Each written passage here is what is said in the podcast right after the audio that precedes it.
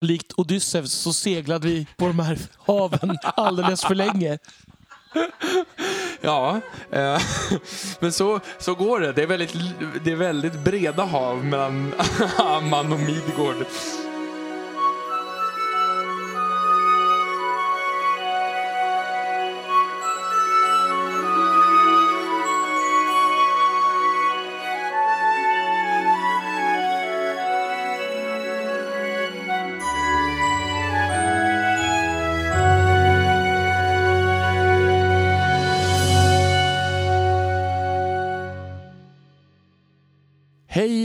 Välkomna till det sjätte avsnittet av Tolkienpodden där vi alltså till slut når slutet på vår triad av avsnitt om Tolkien-filmatiseringar genom att avhandla Lord of the Rings.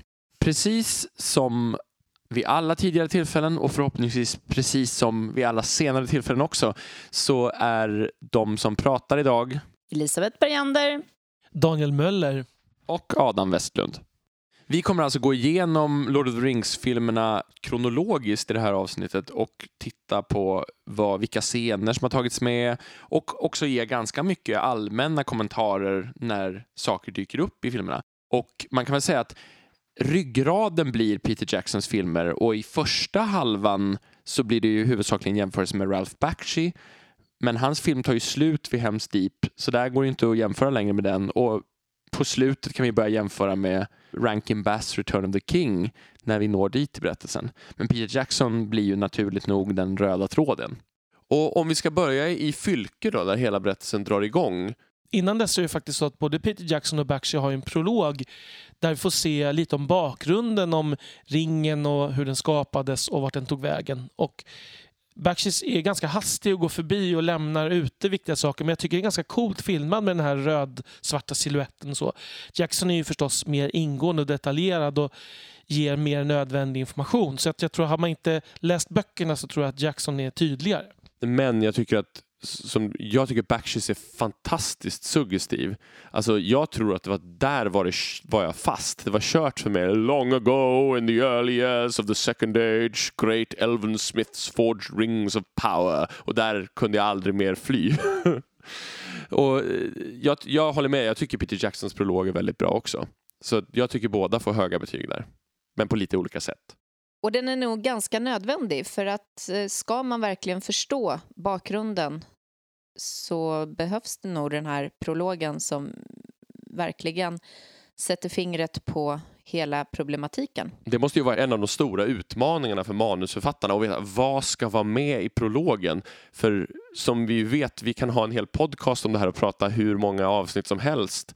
Så det finns ju extremt mycket bakgrundshistoria som på något sätt skulle kunna vara relevant. Så därför måste man ju sålla oerhört hårt och hitta det som sammanfattar vad man behöver veta för publiken. Och det tycker jag att framförallt Jackson gör väldigt bra. Mm. Jag tycker att Bakshi gör det på ett annat sätt. Han har inte med lika mycket information men det blir snarare som att du får börja in medias res på något sätt. Du får en, en stämningsintroduktion och sen kastas du rakt in. Och jag tycker att det funkar på ett lite annat sätt. I Jackson så går man ju vidare och tar upp lite concerning hobbits.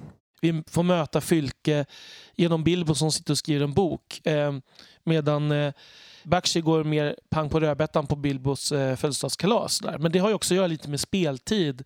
Hur mycket tid de har till sitt förfogande. Sådär. Men eh, jag gillar även här båda inledningarna i Fylke. Jag tycker att Jacksons trots allt fungerar bäst ändå. Just för att det ger mer kött på benen till vi får veta lite vilka hobbitar är. Och I Backstreet så förväntas man nästan veta innan vad, det är, vad en hobbit är. Ja, och jag tycker det är en väldigt kärleksfull beskrivningen. Även att man tar upp att de kanske inte tillhör de som löser världsgåtor och sådär så finns det väldigt mycket kärlek i beskrivningen av hur de är. Det är en väldigt, överhuvudtaget väldigt harmonisk och fin och söt sekvens som kanske fungerar bra som en kontrast mot mycket av det mörker som ska komma senare, tänker jag. Vi har ju pratat i ett tidigare avsnitt om hur Fylke ser ut. Och jag håller ju med dig, det du menade då Daniel, att Fylke är fint men att det inte ser så engelskt ut som jag hade önskat det om jag fick specialbeställa. Och i Bakshi's fylke, det är inte, man får inte se tillräckligt mycket för att man ska kunna få en riktig uppfattning tycker jag. Nej, och det är så pass 70-tals speciellt i färgsättningen Mm. så att det är svårt att jämföra Ja. tycker jag med Jackson ändå. Jackson har sagt väldigt uttryckligen att eh, Lord of the Rings det är Frodos historia. Och jag gillar också att Frodo blir huvudperson ganska på en gång. Hans och Gandalfs vänskap betonas mer än Bilbos och Gandalfs vänskap. Så som det är mer i boken i början. Ja. Eh, och det är ju för att man ska följa Frodo och Gandalf tillsammans. Och det, jag tycker om de scenerna där i början av eh, Jacksons film. Mm. Födelsedagskalaset tycker jag fungerar bra i båda Mm. versionerna också. Det är ju såklart, precis som det kommer vi ju säga hur många gånger som helst, det är en fylligare och längre version hos Jackson. Men Bakshi hade ju mycket mindre tid att jobba med. Och det tycker jag faktiskt är en stor styrka hos honom. Att han, trots att han har extremt ont om tid, så tycker jag ofta att han löser det ganska snyggt rent röd trådmässigt så att säga. Det är ju ibland där han förutsätter att man vet saker som det känns nästan som det är bortklippt ur manus.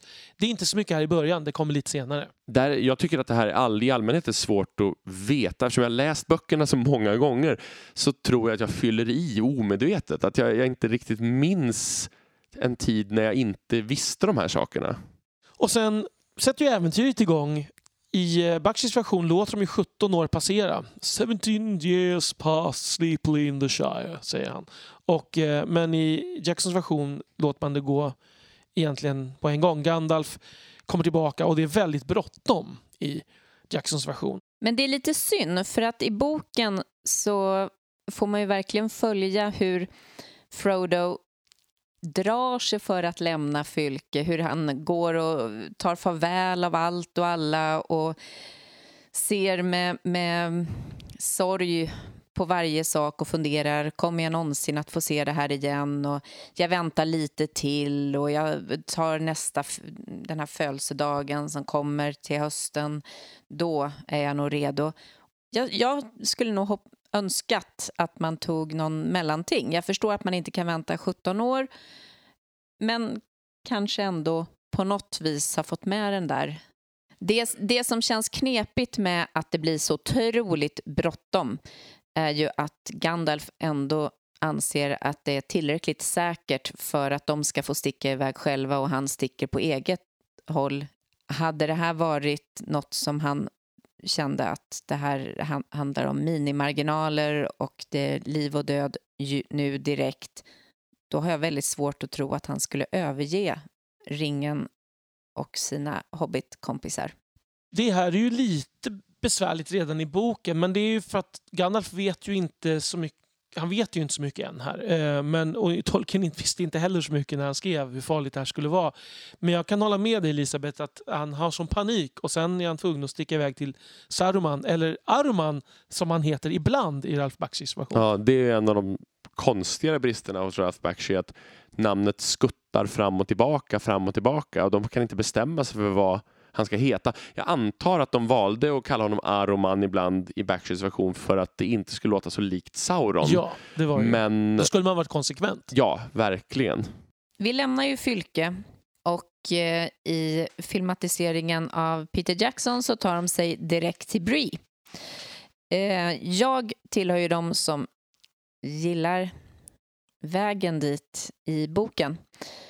Men eh, jag förstår att Tom Bombadil inte riktigt för historien tillräckligt mycket framåt. Det är ju i princip samma sak hos Ralph Bakshi. De kommer väldigt snabbt till Bree. Mm. Och där så tar de in på The Inn of the Prancing Pony som jag tycker är ganska likt skildrat. Det känns som att hela, den, hela sekvensen i Bree är väldigt starkt inspirerad hos Jackson från Ralph Bakshi. Allt från bilden hobbitarna får av alla storvuxna människor som festar på värdshuset, hur Vidstige sitter i ett hörn med huvan neddragen, till hur ringvålnaderna manifesterar sig i sovrummet och anfaller deras sängar. Allt det här känns som att Peter Jackson har fått tydlig inspiration från Bakshi. När jag såg om Bakshi-filmen här nu, nyligen inför den här inspelningen tyckte jag just att miljön på Stegrande ponnyn var väldigt misslyckad. Just att det är så otroligt sättet de har gjort, att man filmat riktiga skådespelare och sen målat över, kallas för rotoscoping. det är så otroligt påtagligt hela den scenen och det ser jättekonstigt ut när det var tecknat hela tiden. Sen är det bara en massa vanliga människor som man ser att någon har ritat lite streck på. Det blir väldigt märklig effekt tycker jag. Det är ju så att ringvålnaderna eh, på värdshuset är ju en ganska konstig scen hos Bakshi. Den blev väldigt ikonisk. Det är många som gillar den här scenen. Den, den jag tyckte den var ganska läskig när jag var liten. Men apropå ringvålnaderna. Vi har inte nämnt scenen, vi kan inte nämna alla scener, men när ringvålnaderna, första ringvålnaden dyker upp och de gömmer sig under träd. Den är också väldigt influerad i Jacksons version av och Bakshi. Det tycker jag där förstår jag att Peter Jackson härmade Bakshi lite grann för att Bakshis scen är väldigt, väldigt bra. Mm. Ringvålnaden gör lite underliga ljud och sådär och haltar fram på ett konstigt sätt men den, den är ju väldigt läskig. Ja, alltså överlag tycker jag så här med ringvålnaderna hos Bakshi, de är läskiga men väldigt märkliga och in, känns väldigt ineffektiva på något sätt. Mm. Eh, ringvålnaderna hos Jackson känns inte alls lika läskiga men mer som en task force? Ja, precis. Ja. Förankrad i någon slags verklighet. Så. Mm. Det man saknar lite grann, det är ju när, när man tittar på boken så är ju ringvålnaderna spridda eftersom eh, några har tagit sig till Bree och några är kvar och bråkar med Fredigar Bolger. Ja, de har delat upp sig för att leta på olika ställen. Precis. En sak som är lite intressant det är ju att jag, precis som Peter Jackson, har hela tiden gått och liksom varit säker på att det är ringvålnaderna som attackerar hobbiternas sängar i Bri. Men om man läser boken så är inte det alls säkert. Det kan ju, troligen är det några andra att det är de här människorna, typ Billy Ormbunke och hans kumpaner. Mm. Men Bakshi tolkade det som att det var ringvålnaderna eller gjorde om det till det och sen följde Jackson efter. Jag tror att hans bild var totalt färgad av Bakshis och även min ska jag erkänna. Om vi traskar vidare mot Riftedal då? Mm, då har de Argon med sig. Precis, och det är ju en ganska viktig karaktär. Och i boken så står det ju att Aragorn är en sliten man med ostyrigt grånande hår och det är en ganska lång dialog mellan honom och Frodo och Sam om huruvida han ser vacker ut eller inte. Det finns ganska mycket skämt kring det här. Min bild är att Viggo Mortensen är alldeles för snygg, men det vet jag att det inte helt hålls med om i resten av sällskapet. Han ser precis ut som han ska. Jag tycker att han ska se betydligt äldre lite fulare och mycket slitnare ut. Um, men annars tycker jag att Viggo Mortensen huvudsakligen gör en bra rollprestation. Ralph Bakshis Aragorn ja, däremot. Där undrar man till att börja med varför har han inga kläder på sig? Han har en liten tunika som slutar precis ovanför Såna kort, korta shorts som är väldigt moderna ja, Det är inte ens shorts faktiskt, det är en tunika. Jaha, jag, jag visste. Så han har det, inga byxor ja, okay. ens. Nej. Inga byxor och bara armar. Det, det är väldigt eh, sexigt. Väldigt sexigt. Det, han räddas ju av John Hurt lite grann, men han har ja. också en väldigt konstig frisyr. Ja, det tycker inte jag är något stort problem faktiskt, hans frisyr. Jag tycker däremot, det är många som påtalar att han ser ut lite som en amerikansk urinvånare. Han, han ser inte särskilt europeisk ut. Men han ser ut som någon slags tracker då, tänker de sig ja, kanske. lite så. Mm. Um, det kanske är så de har eh, tolkat honom. Men jag tycker till det stora hela att John Hurt gör en så bra prestation så att jag bortser rätt mycket från det här. Jag lyssnar på dialogen mellan honom och Frodo och, och köper den rakt av. De färdas ju vidare där och det sker konfrontation på väderklint som tar sig lite olika uttryck. Det som händer är att Frodo blir sårad. Innan han blir sårad så är det ju faktiskt en sak som irriterar mig jättemycket med eh, Peter Jacksons eh, version. Och det är att han helt totalt i onödan byter funktion på eld. Eh, det finns ingen logik i varför man ändrar när elden är det som är positivt och väsentligt och viktigt. Man ska hålla elden vid liv i boken och, och det är den som kan rädda oss om de kommer. Och sen plötsligt så får alla skäll för att de har tänt en eld. Jag tänker att återigen, det här kommer vi väl upprepa många gånger, så ser själva konfrontationen på Väderklint ganska actionfylld ut hos Jackson. Det är väldigt mycket flashiga klipp och ganska eterisk ut hos Bakshi där det är en drömvision nästan och allt går i slow motion med undliga färger när Frodo har satt på sig ringen. Och jag tycker båda funkar på sitt sätt. Jag köper i just ringscenerna så köper jag Bakshis urflummade sätt att filma eller göra film på därför att det skildrar att liksom världen förvänds i någonting helt annat när ringen är på. Där håller jag med dig. Om man hade kunnat hålla sig i skinnet och bara använt den effekten i de scenerna så. Ja, nej men absolut. Nej men jag, jag, jag är villig att erkänna att den har stora brister, men där tycker jag att det fungerar. Frodos skada då? Han blir skadad och i boken är ju då Glorfindel, den berömda allfursten som jag pratat om flera gånger tidigare, Mm. som kom med sin häst. I Bakshis version blir det Legolas och i Jacksons version blir det Arwen som dyker upp istället. Ja. Eh, Men eh, målet är i alla fall att de ska färdas till Riftedal. Jag gillar, här gillar jag Bakshis version även om det är väldigt konstigt med, eh, med de här drömeffekterna igen. När ja. Frodo får rida iväg ensam och de svarta ryttarna är faktiskt väldigt obehagliga när de lockar honom att, att komma till Ja. Mordor. Men Den, eh, jag tycker att den scenen på sina ställen är mer spännande hos Bakshi faktiskt. jag håller med. Och det blir inte lika spännande i Jacksons version för att det är Arwen som rider och Frodo sitter liksom rider i en barnstol framför Mm. henne. Känns han det blir som. aldrig lika utsatt Nej, som man blir i, precis. både i boken och hos Bakshi. Exakt. Det jag saknar om man jämför med boken då, det är ju just det här med att Glorfindel är den här fantastiska, mäktiga eh, alven som faktiskt, när han låter hela sin person komma fram, eh, så skrämmer han hästarna till den grad så att de faktiskt störtar rakt in i floden eh, och drunknar för att han har sån enorm lysande makt. Och det saknar jag i båda versionerna. Mm. Det är faktiskt en sån här grej, där- ställe där jag ryser till lite i boken varje gång. Där det är sådär liksom att han är första av Noldor i all sin prakt. Man får en sån mytologisk association, även om man inte vet vad det är. Om man läser boken första gången tror jag att man känner så. Det är nästan, funkar nästan ännu bättre skulle jag tänka, om man inte vet vad det är. Mm. För det blir en sån här, det finns en lång backstory här.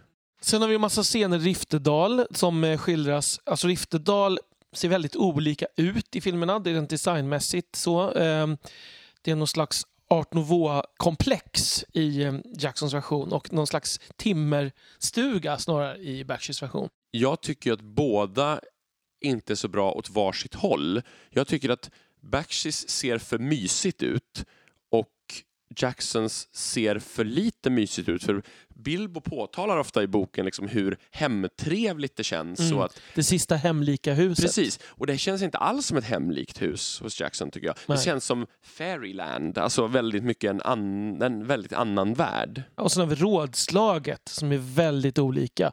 Alltså rådslaget i boken är ju väldigt många sidor med folk som bara sitter och, och pratar med varandra. Och jag förstår att det är nästan omöjligt att göra en vettig film av. Och det är knappt att de pratar med varandra. Det är faktiskt mest folk som gör långa redogörelser medan de andra är tysta och lyssnar. Och det där har de hanterat på helt olika sätt. Bakshian har komprimerat det här till ett par meningars diskussion som är skulle jag påstå, ganska obegripliga om man inte har läst boken. Framförallt så förstår man liksom inte riktigt varför de ska förstöra ringen, men varför ska den förstöras just där? Och det, det, är lite, det går väldigt hastigt. Eh, Jackson gör ett stort praktgräl av allt sammans istället. Jag vet inte om jag tycker det, det funkar inte bättre, men man får lite mer backstory i alla fall. Jag tycker att Bakshi, jag jag förstår hur du menar att man inte får någon backstory, men jag tycker att han ändå liksom med tanke på den snäva tidsmarginalen så gör, alltså lyckas han liksom knalla sig förbi det där på ett rätt effektivt sätt. Som, det hade kunnat göras bättre, men jag tycker att det hade kunnat bli mycket sämre också. faktiskt. För det är lite för långt i boken, tycker till och med jag. När vi nu stannar där så har jag en person som vi har pratat om men som vi inte har tagit upp en aspekt kring och det är ju Aragorn. I boken så springer den här Jönsson omkring med ett brutet svärd. Han är så otroligt inriktad på sin uppgift. Han brinner för att eh, genomföra sitt livsverk. Han vet precis vad han vill, vart han ska. Och sen kommer filmatiseringen där Peter Jackson låter honom vara motvillig. Han ser inte överhuvudtaget sig som värdig att eh, ta sig an den här uppgiften. Han är livrädd för sitt arv, att han ska falla i samma gropar som hans förfäder. Jag tänker att funktionen med det här är att göra Aragorn mer lättare att relatera till. Alltså därför att han är en ganska platt superhjälte i böckerna och Jackson vill göra honom till mer någon som en vanlig människa kan känna, känna med. Jag tycker, hade inte heller gjort så, men jag tror att det är funktionen, att man tycker att Aragorn har blivit, hade blivit för upphöjd och svår utan den här motsättningen. För Aragorn är ju bara en hjälte i boken. Jag tror att man hade kunnat göra det på ett annat sätt. Jag tror man hade kunnat göra det i hans relation till hobbitarna till exempel. En person som eh, överhuvudtaget inte med i Bakshis version men som får lite större plats i Jacksons version. Det är ju Arwen som vi redan har nämnt. Och jag tycker att scenerna som är tillagda med henne i just Fellowship of the Ring funkar rätt bra. Jag tycker att det är helt okej okay att hon kommer och möter upp dem innan de kommer till Rifterdal. Och jag gillar faktiskt den lilla dialogscenen med Aragorn och Arwen på bron. Där det finns en utzoomning där man får se dem stå på den här bron och det är som ett månljus ovanför dem. Jag tycker den bilden är otroligt magisk och jag minns när jag såg den på bio att just där fick jag någon sån här så, känsla av att eh, det fångade någon essens hos tolken även om inte kanske dialogen och allting gjorde men det var någonting att man såg den här dödliga mannen och alvkvinnan som möttes på bron. Det är väldigt intressant att du säger det för att jag tänker att för det funkar ofta så för mig också det här med att det är en ögonblicksbild. Just där känns det tolken, alltså du vet, ja. i en eller två sekunder. Det kan jag känna med flera av de här filmerna, att de plötsligt har hittat någonting som, som sen försvinner ganska fort igen. Men det, kanske, det är kanske en av de viktigaste sakerna, att hitta många av de där kuldklimparna på något sätt.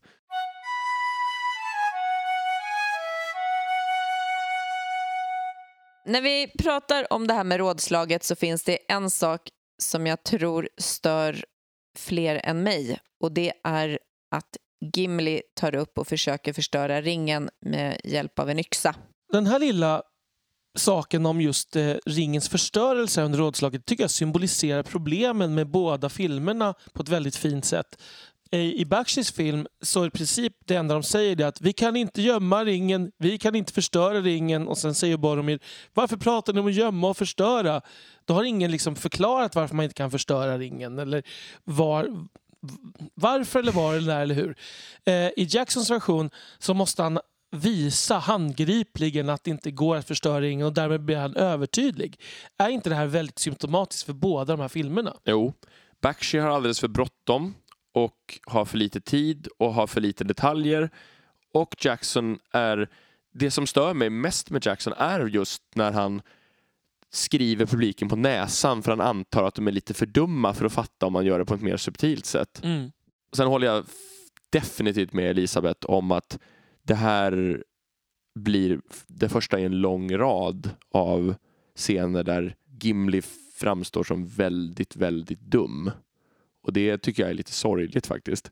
En annan som framstår på olika sätt i de olika filmerna som dyker upp här på rådslaget är ju Boromir. Jag tycker som sagt att Sean Bean är väldigt bra i rollen. Han ger någon slags patos åt Boromir. Eh, han är också trovärdig som en ädling av Gondor, tycker ja. jag. Medan Bakshis Boromir... Bakshis Boromir, för den som inte har sett filmen, ser ut ungefär som en vik viking på en 1800-talsmålning. Det är väldigt speciell behornad hjälm, ett stort skägg och, och uppkavlade ärmar över muskulösa överarmar. Och, och inga byxor. byxor. Jag tycker att Boromir till stora delar känns helt okej okay, förutom sitt utseende i Bakshis film. Men jag tycker att han kan inte mäta sig mot Sean Bean som gör en av de bästa rollprestationerna i, i alla filmerna. Men jag älskar Sean Bean generellt. Jag tycker nästan aldrig han har gjort en dålig skådespelarinsats. Och det är ju onekligen ganska svårt att bort, bortse från den här uh, vikinghjälmen som Boromir har fått i den tecknade versionen. Det, eh, det spelar ingen roll hur övertygande rösten är när man ser ut på det ja, sättet som man gör. Sättet. Jag tycker också att kanske att förvandlingen av Boromir till, till mer sympatisk i Jacksons version än vad han är i boken till och med tycker jag är en, en bra ändring. Jag tycker att han får ett mycket större djup, men jag tycker man får en förklaring till varför han så småningom sen frestas av ringen. Och jag tycker att det blir otroligt mycket mer gripande och sorgligt att han dör, även om jag vet att du Adam gillar dödsscenen som vi kanske kommer till mer i Bakshirs version, men själva det faktum att han dör blir sorgligare. Ja, det håller jag helt med om. Han, precis som alltid hos Bakshi så är det ju inte särskilt lång skildring av honom. Så man får ju inte så mycket bild av personen. Medan jag tycker Sean Beans Boromir känns som en mer fullödig människa. Och jag tycker många av de inklippta scenerna, det finns ju även scener i de senare filmerna där man ser återblickar med Boromir och Faramir till exempel, när Boromir håller tal till Gondors soldater. Sean Bean gör det oerhört bra, tycker jag. Och jag kan tänka att Tolkien kanske tänkte sig att Boromir skulle vara lite mer så här eller mer sympatisk men att man ska läsa det mellan raderna. För alla de andra uppskattar ju Boromir trots att vi mest får se ganska bitska kommentarer från Boromirs sida. Men jag tänker att om Tolkien inte tänkte sig att de hade en nära, ganska vänskaplig relation på vägen så skulle, skulle han inte ha skildrat det så att alla blir så ledsna när Boromir dör heller. Genuint ledsna. Fast just vid rådslaget så är han ju inte så väldigt sympatisk utan då är han ju ganska dryg och sådär när han konstaterar att Gondor har ingen kung, behöver ingen kung. Ja, det temat finns ju inte lika mycket i boken. Han är ju mycket mer avvaktande och lite implicit kritisk i boken. Där han säger om Aragorn nu är den som han hävdar så. Han säger aldrig någonting rakt ut. Det tycker jag också är kanske att Jackson blir lite övertydlig där. Mm.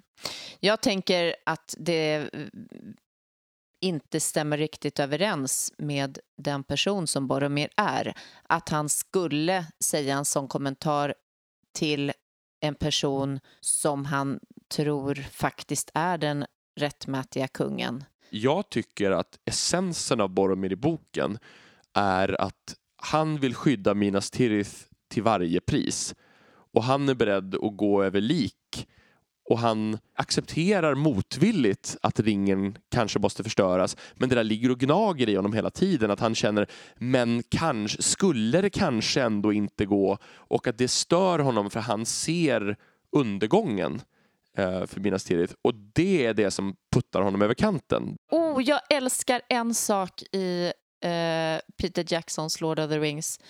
Och det är när brödraskapet ska eh, precis ge sig ut från, från Rivendell.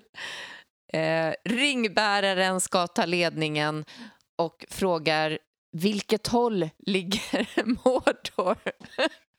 Höger eller vänster? Nästa stora dramatiska händelse efter att man lämnat Rivendell och färdats söderut är ju att brödraskapet försöker passera över Dimmiga bergen här finns det ju en del andra sekvenser i boken som faktiskt är bortklippta. Det är ju en ganska lång bit mm. dit som inte finns med så mycket i filmerna. Eh, I någon av filmerna. Överstigningen av berget Karadras skildras ju, tycker jag, på det stora hela väldigt troget hos Jackson. Återigen tycker jag att det är samma brist hos båda filmerna. I Bakshis version går det här väldigt fort förbi tar en minut ungefär. Ja, men det som händer i Jacksons version är att det är Saruman som kallar ner snön från Karadras ner över sällskapet. Och det är Så inte det... Karadras själv som det framstår mer i? Nej, utan det är Saruman som står och skriker på ja, Orthangs topp. Det... Och jag gillar inte den den ändringen. Jag tror återigen att det har att göra med det här att Peter Jackson vill att, det, det ingen, att folk inte ska bli för förvirrade kring vad det är som faktiskt händer. Man behöver en tydlig antagonist. Ja, ungefär så. Mm. tänker jag. jag tycker ändå att det i stora delar fungerar ganska bra. Mm. Uh, och man, de gör liksom, den här scenen där Boromir plockar upp ringen tycker väldigt jag fungerar bra väldigt bra det var en av de första scener som läckte ja. innan filmen kom. Som, som minitrailer som dök upp. Ja. Och jag, jag minns att jag fick så höga förväntningar efter att ha sett den scenen. Jag, jag minns precis samma sak. Jag såg den i en trailer och tänkte så här herregud, nu kommer det. Mm. Och dessutom måste jag säga, just här, fotot är magnifikt. Ja, det är här. fantastiskt. Eh, överlag naturbilderna Alltså naturfilmningarna i eh, Jacksons version, när man får se Nya Zeeland i all sin prakt, är ju otroliga. Sen har vi the centerpiece i hela boken, skulle jag säga. Hela Ja. Fellowship of the Ring, hela Morias gruvor. Jag skulle vilja säga att i Jacksons film är det höjdpunkten i filmen också, hela den sekvensen. Som helhet alltså, inte Ja. om man tar enstaka scener, men Ja, den är faktiskt väldigt spännande rakt det igenom. tycker jag också. Det är, det är väldigt bra action och väldigt bra thriller också. Ja, eh, Den är ju förstås mycket mer action än i boken, Ja. men jag tycker att jag köper Precis. det i det sammanhanget. Dock måste jag säga att jag också uppskattar Bakshi's version väldigt mycket. Den är ju alldeles för kort, men det har vi ju tagit, sagt f- 52 gånger nu. Mm. Men jag tycker han har en väldigt spännande visuell tolkning av Moria Mm. och jag tycker liksom att han, gör, han, han använder Gimlis entusiasm för Moria och liksom hans spekulation och diskussioner med Gandalf på ett väldigt bra sätt. Jag tycker Gimlis relation till Moria är bättre i Bakshi. här har vi en till sån här där jag fick en sån här rysning när jag såg bio första gången. Nu kan jag tycka att det är överdrivet i Jacksons version. Det är när Gandalf tänder sin stav och säger vi kanske kan riskera lite mer ljus och så får man se hela dvärgriket och musiken växer ett enormt crescendo just där. Mm. Då fick jag gåshud. Och det var lite känsla av att när jag såg det första gången på bio, jag hade ju väntat på den här filmen sedan jag var liten. Liksom. Och här var det någonstans, nu, här är jag nu. Liksom, och få se det här på bio. Det var helt osannolikt. Nu kan jag tycka att ja, det är lite väl stort och det är lite många pelare och sådär. Ja. Men, men det är någonting, första gången jag såg det var det väldigt imponerande. Det tycker jag. Ja. Om man ska dela in Moria i två delar kanske man kan säga att det finns en lugnare första del som huvudsakligen är vandringen och en mer actionfylld slutdel som framförallt utspelar sig efter att brödraskapet finner Balins grav. Och det här är ju en av de mest dramatiska delarna i hela Peter Jacksons filmtrilogi tycker jag. När, när de finner Balins grav, Gandalf läser i kolonins historia kan man säga och de här trumslagen i djupet sätter igång. Så långt tycker jag att det är otroligt bra. Sen tycker jag kanske inte att hela den stridsscenen är lika bra. Jag tycker trollet till exempel får lite för mycket plats. Eh, men jag tycker att det i huvudsak är väldigt spännande. Ja, trollet får ju lite för mycket plats och eh, man känner att de har varit igång och ritat och eh, det, det känns lite omänskligt i det hela. En sak som jag tycker är väldigt spännande i boken är ju uppladdningen inför det här, att det tar lite tid. Att man, de hör de här ljuden innan att Pippin släpper ner den här stenen i brunnen. Det sker liksom inte samtidigt. Men ja, den här komprimeringen, jag köper den totalt i filmen. Ehm, men det är ju mer atmosfär i boken. Jag har redan sagt att det här tycker jag ändå är the centerpiece i Peter Jacksons åtminstone första film. Och det, den är väldigt välgjord och liksom hela sekvensen. Och jag tycker att linjen i den funkar väldigt bra. Alltså musiken funkar väldigt bra, så stegringen Mm. och allting funkar. Eh, så att de ändringar som är gjorda här tycker jag jag köper dem för att det, dynamiken är väldigt håller. Ja, men jag håller helt med. Jag tycker också att det fungerar väldigt bra på så sätt att det, det stegras upp från den här lilla första striden där brödraskapet ganska lätt slår tillbaka orkerna även om det blir... Trollet har ju förstås blivit en större utmaning eftersom trollet aldrig kommer in i kammaren ordentligt Mm. i, i, i boken. Men sen flykten och det ganska uppskruvade med rasande trappor och, och långa språngmarscher genom dvärgahallarna. Det tycker jag fungerar väldigt bra och sen så liksom leder det fram till Kassadomsbro och det extrema crescendot med Balrogens Mm. uppdykande. Alltså hela den här sekvensen med trappan som eh, börjar rasa och allt det där, de ska hoppa från en kant till en annan. I manuset där tror jag, om jag minns rätt, att det stod hela tiden de springer ner för trapporna. Och sen fick Peter Jackson feeling och gjorde en actionsekvens. Men grejen är att jag, den här, den, jag tycker att den är ganska spännande. Den är helt, eh, bryter mot fysik, fysikens lagar på många sätt och jag tycker ändå att det är spännande. Jag tycker ju fortfarande att det är ganska ologiskt. Efter vad jag minns så eh, är den sista som man räddar över till, till um, säkerheten är eh, den viktigaste personen. Eh, och det... Alltså Gimli. Nej, jag ska... Nej. Ja. Nej, men, men logiskt sett så hade man ju kanske försökt att rädda Frodo lite tidigare om nu allting håller på Det är Hollywood-sjukan. rasar. Sen så kommer vi till någonting vi redan har pratat om i princip. Skildringen av Balrogen. Jag tycker att den fungerar inom ramarna för Peter Jacksons Midgård. Det, den ser inte alls ut som jag hade skildrat Balrogen, men den är åtminstone otroligt mycket bättre än den undliga lejonhövdade varelsen i Bakshies film. Det som är intressant här snarare är att jämföra de olika Gandalf-skildringarna, tycker jag. Gandalf i, i Bakshies, han är mer, börjar åtminstone mer värdig men sen blir han rädd. Så tolkar jag det. Mm, absolut. Eh, jag tycker att den mer desperata och eh, nästan lite aggressiva Ian McKellen-tolkningen här funkar också väldigt bra. Så, Mm. så att det, det Jag håller två- med, men jag tycker att de är, de, de är ungefär likvärdiga. Jag tycker Gandalf på Kassadomsbro är väldigt bra även i Bakshies film. Det är en sak som stör mig något extremt där i Bakshies film och det är att både Glamdring och Balrogans svärd går av när de slår ihop. Och senare i filmen så är Glamdring helt igen när Gandalf har återkommit från de döda. När jag läste böckerna så var ju en av de mest en av de scener som gjorde mest intryck på mig var ju Gandalfs död och jag var jätteledsen när jag läste boken första gången. Och barnet i mig, när jag ser Jacksons film, blir ledset igen när Gandalf faller ner i avgrunden. Det är som att jag på något sätt minns min, min eh, barndomskänsla för det här stycket i boken. Även fast jag vet vad som kommer hända sen. Och även hela reaktionen efteråt som vi var inne på i, när vi pratade tidigare om skådespelarinsatser. Tolken skriver inte mycket mer än att de grät. Så. Det är inte något lång utförligt hur de sörjde. Så. Men det är bra att de visar, det finns en sekvens där de visar att de sörjer Gandalf. Det behövs verkligen därefter.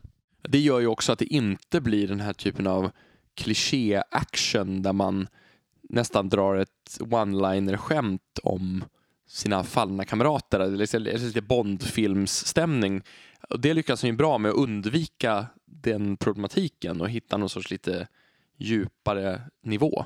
Ja, för han kunde ha byggt vidare på det som är i boken, att det är vakter utanför. att Alltså, det- Aragorn nämner i och för sig att det kommer massa orker efteråt, men de, det har han faktiskt tagit bort snarare. Eh, och det är nog för att få, ge det här lite andrum här faktiskt.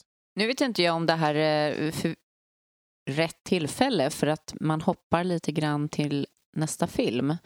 Men man får ju faktiskt följa Gandalf ner i djupet i inledningen av den andra filmen. Vad tycker ni om att det kommer med? Ja, alltså jag tycker det fungerar ganska bra för det är ju skildrat mer som en flashback hos Frodo. Man får ju inte se vad som händer egentligen efter fallet. Det får vi ju veta först när Gandalf återberättar sin historia. Jag gillar de här eh, inledningarna generellt, alla tre Mm. faktiskt. Jag håller med.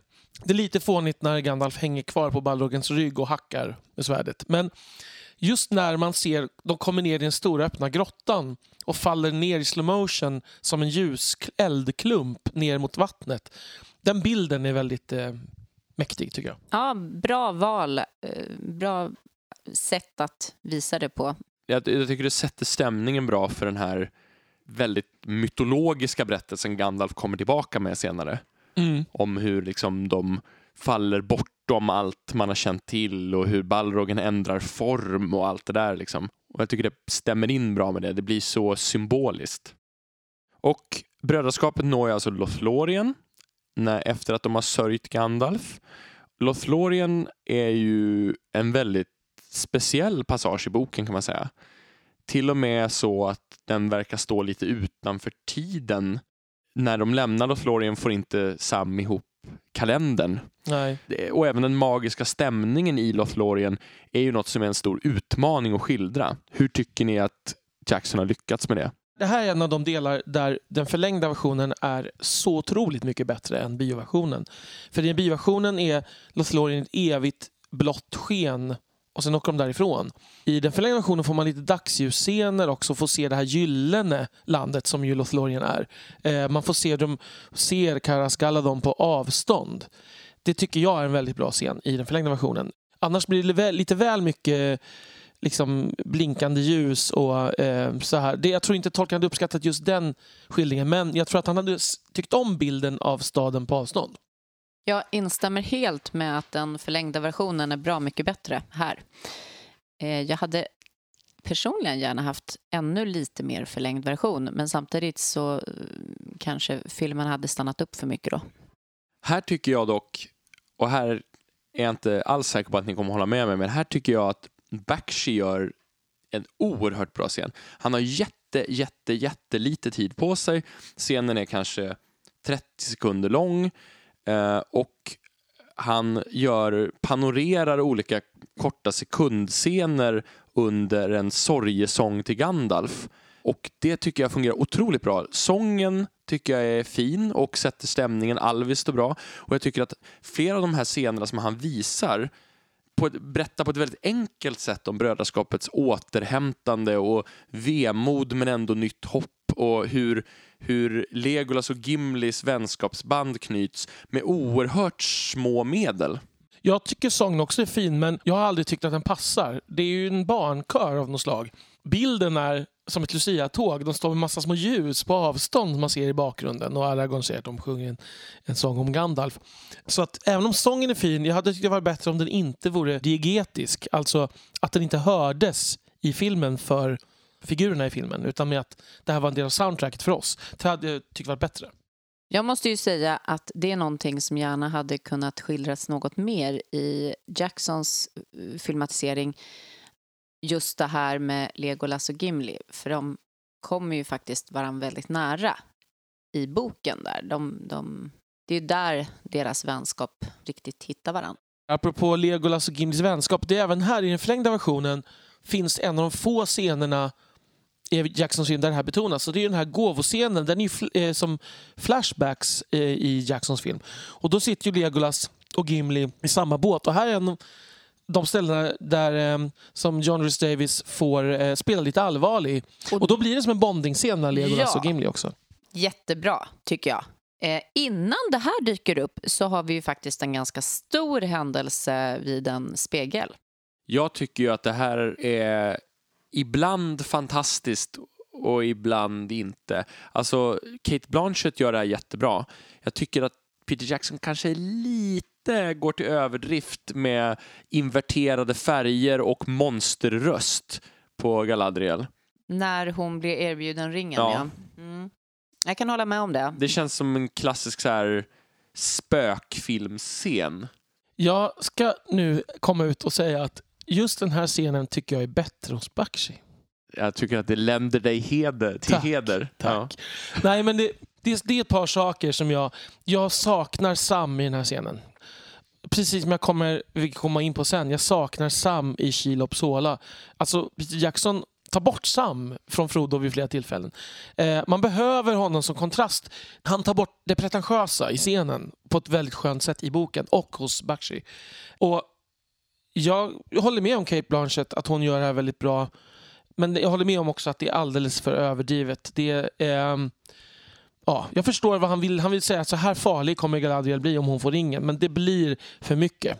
Mm. Nej, men det är bara att instämma med att eh, han gör för mycket. Sen vet jag inte om jag tycker att Bakshis är klockren heller. Däremot tycker jag att det här med gåvorna i övrigt inte är jättebra hos Jackson. Eh, Jag tycker till exempel att Sam beter sig jättekonstigt för sin karaktär. Han ber om en dolk, precis som Mary och Pippin, vilket jag tycker är totalt mot hur Sam fungerar. Han skulle aldrig vända sig till en överhetsperson och säga det här var dåligt, kunde jag inte fått någonting annat? Verkligen. Aldrig! Han skulle aldrig ha varit så otacksam. Nej, verkligen inte. Han skulle tycka det här är fantastiskt att jag ens får vara med om det här, att lilla jag får en present överhuvudtaget. Och efter det här så rör sig alltså brödraskapet ut på Anduin, den stora floden. Jag tycker Anduin är väldigt fint skildrad. Jag tycker det är en av de finaste och stämningsmässigt bästa landskapen hos Jackson. Och jag tycker att Argonath är mm, ganska bra. Jag tycker de kanske är lite för stora. Men jag tycker överhuvudtaget att de här scenerna, det, är, det ger mig väldigt Midgårdskänsla när de paddlar där. Här tycker jag att Bakshi misslyckas med Argonath för de känns så otroligt hotfulla. Han bygger upp en kuslig stämning här på ett sätt som för mig är lite oförklarligt. Jag tycker att Jackson är så mycket bättre. Och det, det är här man får höra det här fantastiska Ringen-temat dyker upp här. Det är ju ett av eh, Howard Shores snyggaste teman. Där. Da, da, da, da, da, da, da, da. Det är otroligt snyggt när de eh, seglar förbi där. Så det är något eh, mer... Jag förstår vad du menar. Det är därför det där Ringen-temat är också... Ledmotivet är det historiska temat också. Så att, alltså Numenoranernas historia ska det också symbolisera. Jag hade nog haft en önskan om att man hade fått se Aragorn växa ännu lite mer där eh, och ta eh, just det här bandet till sina förfäder eh, som han gör i boken. Och det gör Bakshi däremot. Aragorn och Boromir står i fören på varsin båt och sträcker ut sina svärd till hälsning och det är lite så här götiska förbundet över det hela. Men det är, det är ändå historiens vingslag finns där ändå tycker jag. Och då tycker jag kanske att eh, det går lite för mycket åt andra hållet för att Boromir tycker jag kanske inte borde på samma vis växa det håller inte jag med om. Jag tycker att eh, om det är någonstans Boromir ska växa så är det The Legacy of Gondor. Ja, jo, men han kommer ju hem. Eh, och han... Eh, ja, men att det, det här är det arv jag försvarar. Ja, men det köper jag. Men just det här hur det beskrivs i boken att, att eh, del av sällskapet känner sig lite krympta och rädda för det här men att Aragorn verkligen blommar ut i sin rätt. Att han tar på sig det här jag har inget att frukta, jag är under mina förfäders skydd här. Och det här leder oss också då fram till det som avslutar första filmen hos eh, Jackson och som ju faktiskt inte är med i någon av böckerna, nämligen Boromirs dödsscen. Eh, Boromirs sista strid sker alltså mellan första och andra boken. Jag tycker att Jacksons skildring av den här är inte alls är dålig. Jag tycker att den blir lite för klyschig med de här slow motion scenerna och jag tycker inte att Aragorns strid mot Orokajen i sista sekund är bra överhuvudtaget. Det bryter stämningen helt och hållet. Däremot tycker jag att det är Bakshis bästa scen överhuvudtaget. Även om Boromir ser ut som han gör så tycker jag att sorgen i den här scenen är fantastisk och hur Boromir skriker ut sin, sin vrede och skrämmer orkerna trots att han är genomborrad av flera pilar. Det, det är en otroligt stark scen för mig hos Bakshi. Här har vi, tror jag, en väldigt bra illustration av vad det är som gör att du gillar Bakshi och vad det är som gör att jag gillar Jackson. Ja. Jag tror att du mer har förmågan kanske att separera ut, ta ut enskilda scener och säga det här är en fantastiskt bra scen. Men för mig blir Jacksons version så mycket bättre för att jag bryr mig om hur det ska gå för Boromir. Ja. Och jag bryr mig inte så mycket om Bakshis Boromir. Nej, alltså jag tror faktiskt att jag har svårt att inte läsa in böckerna i skarvarna så att säga. Mm. Och det är precis som när jag läser isländska sagor eller någonting sådär. Man, man fyller i en massa nivåer som inte finns där. Mm. Och här så ser jag liksom det som är, vi har haft den här diskussionen om stridsscener tidigare, att jag kan tycka att Fili och Kilis död i The Hobbit, trots att det är så extremt kortfattat, till och med i efterhand, blir rörande, trots att de inte har några personligheter i The Hobbit överhuvudtaget, därför att man liksom läser in de här nivåerna ändå. Det är ju väldigt lite som inte ändrat på något sätt i Jacksons film. Alltså mycket är ju ändrat som man inte riktigt tänker på. Och en av de ändringarna som jag minns att jag störde mig väldigt mycket på, det är att när Frodo eh, lämnar brödraskapet.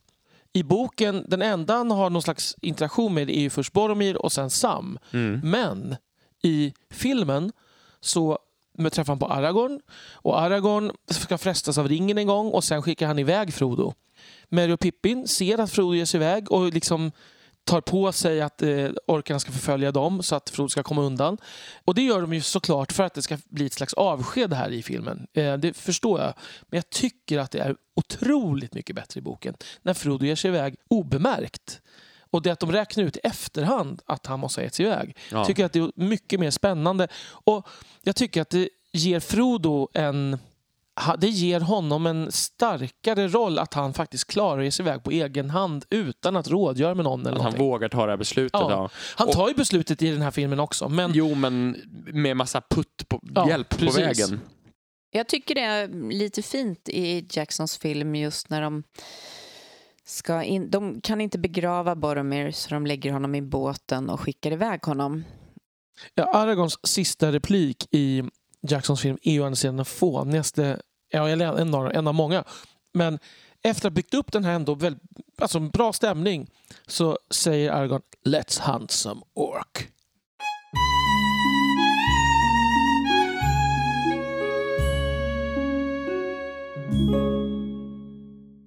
I princip kan jag säga att en stor förändring av The Two Towers i bokform till The Two Towers i filmform, vilket är såklart är helt naturlig är att man klipper fram och tillbaka mellan de två händelseförloppen. Medan det i boken så är det ju två separata böcker i boken där den första boken följer Aragorn och hans halva av brödraskapet och den andra boken följer Frodo och Sam. Och här får vi ju i de här två sakerna sammanklippta i realtid. Och det, det, är ju det enda rimliga beslutet såklart i filmform. Men om vi följer de här två trådarna då så, så börjar ju Aragorns tråd med den långa jakten över Rohans slätter och Frodo och Sams börjar med den tröstlösa klättringen över Emin Moil och eh, insikten att Gollum är dem tätt i hälarna. Eh, visst är det så att både i filmen och i boken så är Aragorn så drivande så han springer före Legolas. Eh, vilket är lite anmärkningsvärt eftersom Legolas ska vara en rask herre. Mm. Jag tänker också att det beror på att Aragorn är den som är bäst på att spåra. Så att, så att inte Legolas hinner för långt framför så måste Aragorn ropa tillbaka Legolas hela tiden. Lite som man säger i skolan, fort och fel. Exakt. Legolas, hallå, vi ska, vi ska hit! Eh, jag tycker att den här jakten är ganska bra hos Baxi också. Eh, jag gillar musiken här med trummorna och mm. lite dissonanta klanger. Eh, och hur de, alltså Merry och Pippins, eh, hur de behandlas. Jag, jag, tycker att det funkar bra. Ja. Eh, det är mer hotfullt i Bakshi. Det är mer heroiskt hos Jackson. Jag, det, här får man ju höra brödraskapets tema, nynja lite igen. Da, da, da, da, da. Mm. Så kommer ju här väldigt eh, pampigt när de springer. Så det är som olika stämningar ja. som byggs upp. Jag måste säga att jag nog föredrar Bakshi här också. Därför att jag tycker Bakshi är väldigt duktig på, även om orkerna inte ser ut exakt som jag skulle skildra dem, tycker han är väldigt duktig på att skildra någon sorts stämningen bland orkerna. Och liksom Mary och Pippins utsatthet och, mm. och liksom hur rädda de är. Ja, alltså det som Jackson har här som Bakshi inte har, det är att han har Nya Zeeland. Alltså ja. det är otroligt vackert. Absolut, absolut. Sen är det ju så att även här blir den förlängda versionen hos Jackson ehm, ger ju mer för att i bioversionerna av den här filmen så är orkerna i princip, de, alltså de har inte något språk i princip. De pratar egentligen aldrig. Men i den förlängda versionen så har de lagt in en del av dialogscenerna vilket jag tycker är bra. Sen så blir de stoppade lite grann på vägen, trion, när de ränner efter orkerna där.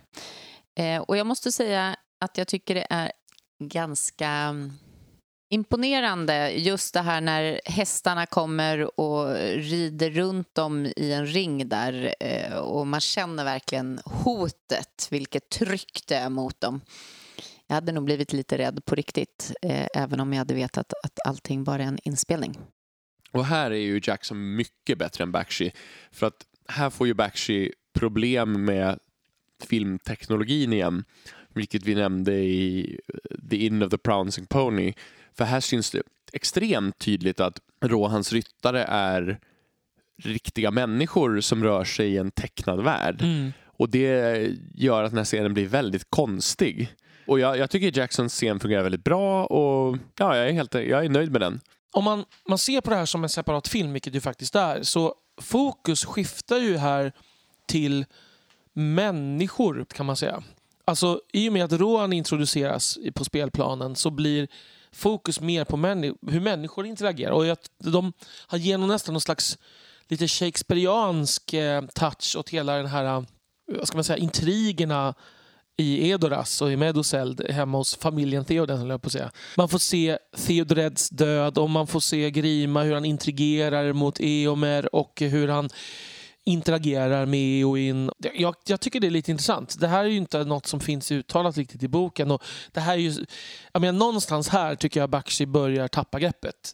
Och här tycker jag nog faktiskt att Jackson eh, lägger till lite kött på benen som inte alls gör något att han lägger till utan man får en känsla för den här familjesituationen. Dock måste jag ju säga att båda faller för en väldigt konstig skildring av Grima. Det står aldrig någonstans att Grima har mörkt hår. Det står ingenstans. Men alltid ska Grima vara någon sorts lismande mörkhårig typ när alla andra i Rohan är blonda. Han, är, han kommer från Rohan. Jag tycker det här känns som en rasistisk stereotyp mm. som båda filmerna lägger på utan att Tolkien har haft den. Och han har inga ögonbryn. Vad är det här liksom? Hur sannolikt är det att eh, liksom, en person med blodbrist och gothfrisyr skulle få bli Theodens eh, huvudrådgivare. Jag fattar inte det här. Nej, jag tror att här också att här är en av de bitar där Jackson är influerad av Bakshi faktiskt. Och jag tror att till det sämre. Ja, men alltså i, i Bakshi så är han ju en, någon sorts litet grått. Nej, jag tycker alltså... han ser ut som en sidekick till en Disney-skurk. Ja, ja men precis. Verkligen. men jag håller helt med. En vass med... näsa och man ser knappt ögonen under den mörka kåpan men ungefär 1,20 lång. Ja, Jafars eh, otäcka ja, assistent skulle han precis kunna vara. Så. Och jag tycker att Jackson har gjort en obehagligare version men jag tycker, jag tycker helt otrovärdig i, mm. i, i Rohan. Alltså det här är väldigt få som ifrågasätter. Nästan alla tänker sig Grima ungefär sådär, fast det aldrig står i texten. Han är lite som eh, eh Severus Snapes eh, mindre behagliga brorsa. Det jag tycker är eh, en intressant tanke med Grima det är ju just det här att eh, han är en man av Rohan. Men det faktum att han ser så totalt annorlunda ut än alla andra som män av Rohan gör ju att man någonstans får en känsla av att han var den här äh, som kom utifrån och som förförde honom in på något felaktigt spår sådär. Och sen är det ju det här med eh, exorcismen av Theoden som ju jag tycker är bedrövlig hos Jackson. Instämmer extremt mycket. Det är väldigt synd. Eh, det är så onödigt. Bernard Hill är otroligt bra skådespelare. Han kan inte spela det här. Det här skulle jag säga är en av de kanske fem, fyra, fem sämsta scenerna i hela filmtrilogin ja. tycker jag. Eh, och jag tycker också att det är jätteproblematiskt att Theodens hår växer tillbaka ja. och, och, att han går från 90 år till kanske 50 år. Där, där fungerar det mycket bättre den här extremt nedtonade versionen hos Bakshi där kungen i princip ser likadan ut men reser upp sig och inte verkar lika trött. Det är lite för lite istället tycker jag. Men jag hade önskat att Bernard Hill kanske hade fått se lite äldre ut även efter mm, utdrivningen mm. också hos Jackson. Att de kunde ha kvar lite ja, av det kunde... långa vita håret. jag så. tänkte mig, jag var väldigt glad när jag fick veta att han skulle spela den här rollen för att jag, han spelar ju kaptenen i Titanic.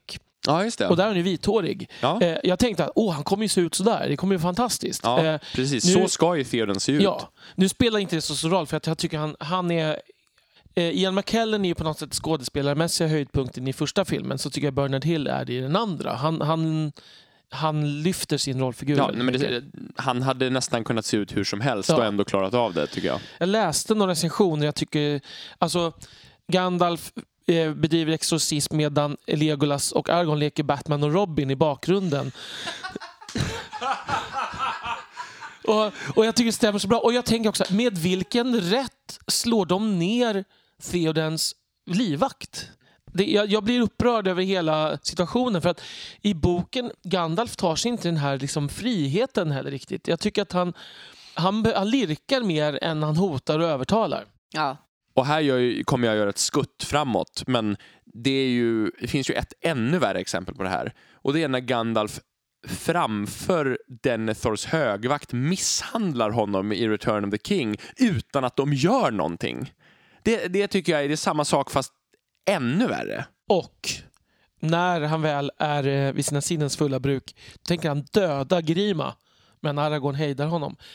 Det är en av stora poängerna i boken är ju att han inte tänker döda Grima utan han försöker övertala Grima att kom tillbaka till oss. Är, du, du, du är en man av Rohan. Det, det förtar en del av Theodens personlighet. Men scenen som kommer precis efter Theodreds eh, gravhög när han plockar en, en blomma, en symbolmyne från marken tycker jag är en tillagd scen som å andra sidan, den berör mig väldigt mycket. Fantastiskt mycket, verkligen. Det är en av de starkare scenerna som utspelar sig, skulle jag säga, där. Ja, det är ju det Peter Jackson gör bäst med den förlängda versionen, när han gör såna här stämningsscener som egentligen inte har så mycket handling i sig, utan mer fyller i något känslomässigt. Något annat som är bra här i Rohan-scenerna är ju scenbygget av Edoras uppe på den här klippan där de faktiskt byggde Gyllene hallen. Alltså hur det är gjort, det är ju också fantastiskt vackert. Ja. Um, det, sådana saker är också sånt som där eh, Jackson slår ju förstås självklart Bakshi med hästlängder. Och där man vann på att man spelade in filmen i ett, liksom ett litet filmland som Nya Zeeland. Där man tog, man tog på allvar. Vi ska bygga den här eh, stan. Vi ska göra alla de här vapnen. Vi, vi ska göra ringbrynjor som faktiskt inte är gjorda av plast i alla lägen, eller garn som man gjorde förr. Alltså man la ner så mycket energi. Det är liksom inga brister i vad ska man säga, engagemang hos bakomliggande teamet. Så kan man säga. Enorm detaljrikedom. Och dessutom ackompanjerat av The King of the Golden Hall, det här Rohan-temat som jag med, eh, hur uttalas det? Hardangerfela? Hardangerfela, precis. Det är ju, jag tycker nästan den fin, precis, och jag tycker nästan är den finaste melodin av Mm. alla. Mm. Ja, de har fångat det här, det, det, kulturen tycker jag. Det är en av de Mm. me- mest lyckade Ja, det Eh, anglosaxiska. ja. Mm. med en nordisk touch. Precis. Men det anglosaxiska har ju en definitiv Absolut. nordisk touch. Absolut. Även det. Man har eh, lockat fram den bara. Ja.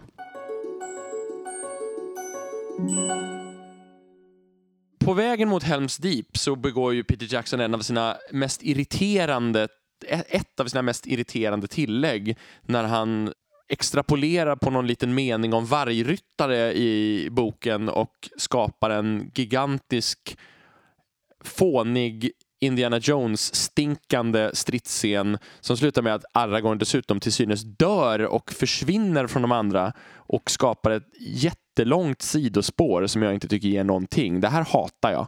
Instämmer till fullo. Dessutom så är det en av de gånger som de låter Legolas hoppa runt och göra... eh, Tramsa. eh, Ja, men tramsa verkligen när han hoppar upp på hästen där. Jag håller också helt med. Jag tycker bara att du är orättvis mot Indiana Jones.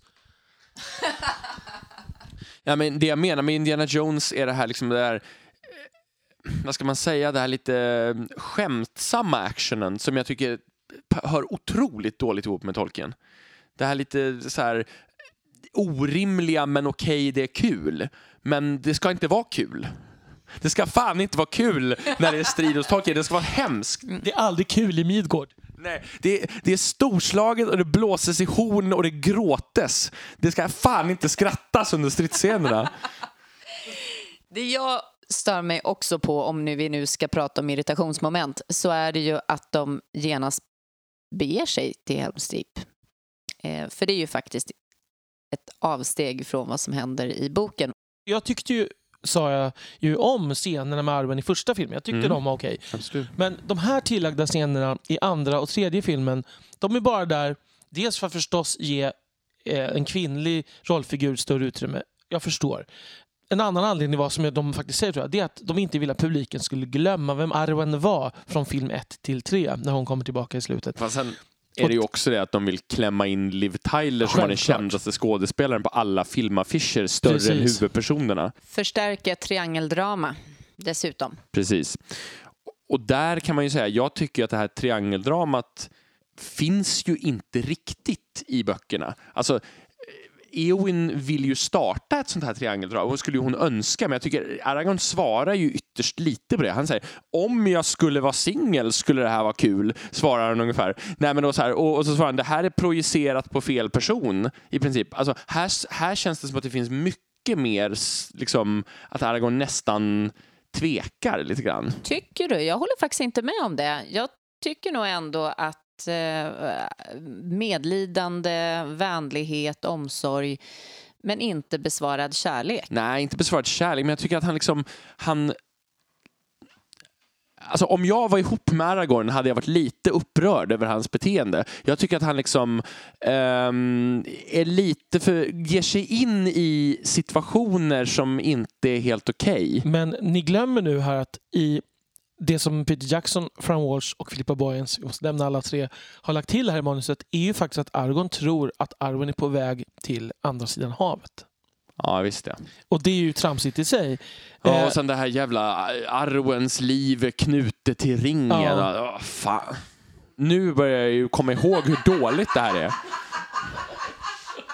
Men om vi jobbar oss fram lite i Helms Deep så måste jag ju då säga att som helhet, jag gillar Helms Deep i Jacksons film. Ja, jag också. Jag tycker att den är mycket, mycket bättre hos Jackson än hos Bakshi. Där den är också återigen en konstig drömsekvens med röd himmel. Det enda jag tycker är väldigt bra är soundtracket i Orkernas marsch i Bakshi som känns på något sorts påhittat svarta språket sjunger de. Den, så, den låten tycker jag är väldigt häftig. Men jag tycker att jag gillar, eh, även med de förändringar som finns, jag tycker att Helm's är väldigt bra. Och regnet och mörkret och hela ja, stämningen. Um, jag kommer ihåg att jag blev väldigt irriterad när Gandalf kommer och undsätter Helm's Deep. Och det är mest av så här praktiska skäl. Jag tycker att orkerna har liksom planterade pålar i marken och skulle fullständigt gjort köttfärs av den här puckade kavalleriattacken. Och sen så bestämmer de sig en sekund före kavalleriet slamrar in dem och göra det enda som är säkert och döda dem allihopa. Det vill säga ta bort pålarna. Det, alltså, det, jag blir så arg på att varken Peter Jackson eller Game of Thrones eller någon kan läsa på eller anställa någon som bara kan berätta för dem grundläggande medeltida militärtaktik. För jag, jag kan inte se sånt här. Det, det är så extremt otrovärdigt så jag bara sitter och kastar saker på tvn. Och jag önskar att ni som lyssnar kunde få se Adams inlevelse när han säger de här sakerna. Och att jag, jag förstår, jag stör mig på andra saker precis i samma scen. Jag stör mig på att backen är för brant.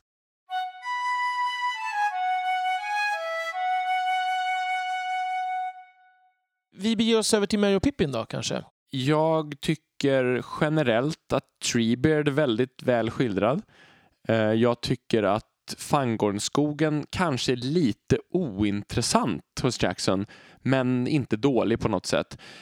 Hos Bakshi så ser ju Treebeard väldigt annorlunda ut, kanske inte så bra, men jag kan ändå tycka att liksom själva skogen och liksom ljuset och sådär, det, det köper jag ändå rätt så bra hos Bakshi. Jag tyckte inte illa om den scenen.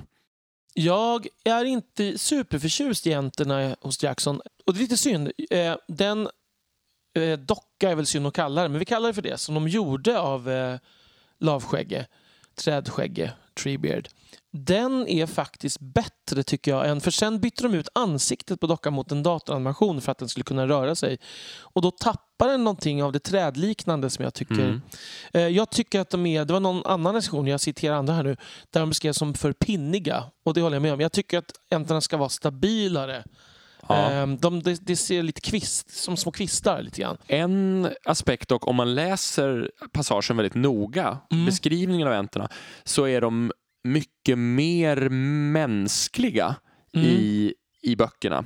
Alltså, där, De ser mycket mer ut som träd som rör sig i filmerna, medan de är människoskepnader med trädinslag mer i böckerna. men problem, här är ju problemet att tolken säger emot sig själv. För att i ett brev, när Mm. han, som man får av ett litet barn, som frågar kan inte du rita en änt? Så säger tolken att det kan jag inte. En änt som står stilla ser precis ut som ett träd. Ja. Och en änt som rör sig kan inte jag rita. Precis. Eh, så att jag tror att eh, det här är lite besvärligt ju för Ja, att tolken... Men för att, om man läser den första beskrivningen av Treebeard så, så Ja, är han är ganska mer- långt från ett träd. Ja, absolut. Alltså här har vi också en del skillnad mellan bioversionen och den förlängda. I bioversionen så i princip det enda man får se det är ju att Mary och Pippin sitter på Treebeards axlar eh, genom hela filmen.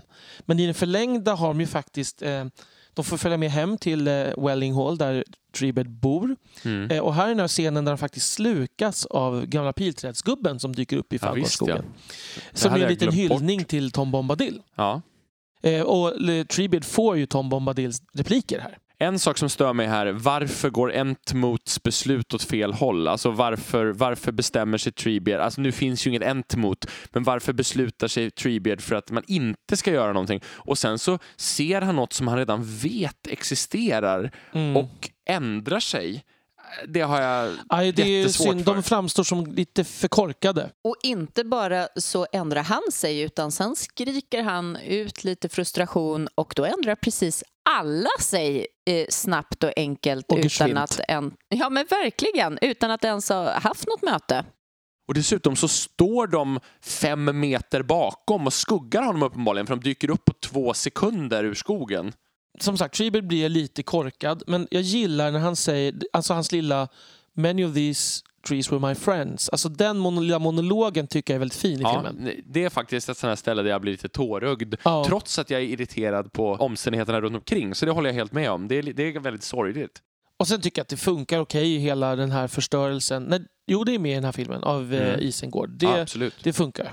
Det är faktiskt ganska storslaget och den här änten som går upp i lågor och hur vattnet kommer. Det det är riktigt pampigt. Jag gillar precis just det, hur eh, tydligt det är att de på olika sätt försöker attackera änterna och några sätter de eld på och några som springer ut och, och släcker sig själva i vattnet. Och, nej men, variationen i attackerna är väldigt eh, uppfinningsrika. Det är här någonstans som Mary Pippins personligheter börjar bli mer lika dem i boken. Ja. Jag tycker att de, alltså de blir ju allvarliga här och, och, och är det resten av filmatiseringen. Mm. Och gör det väldigt bra, tycker jag, både Billy Boyd och Dom, Dominic Monaghan. Och jag gillar ju hur de möter eh, sällskapet utanför eh, portarna där Ja. och sitter och festar och käkar och är väldigt, väldigt hobbitiga.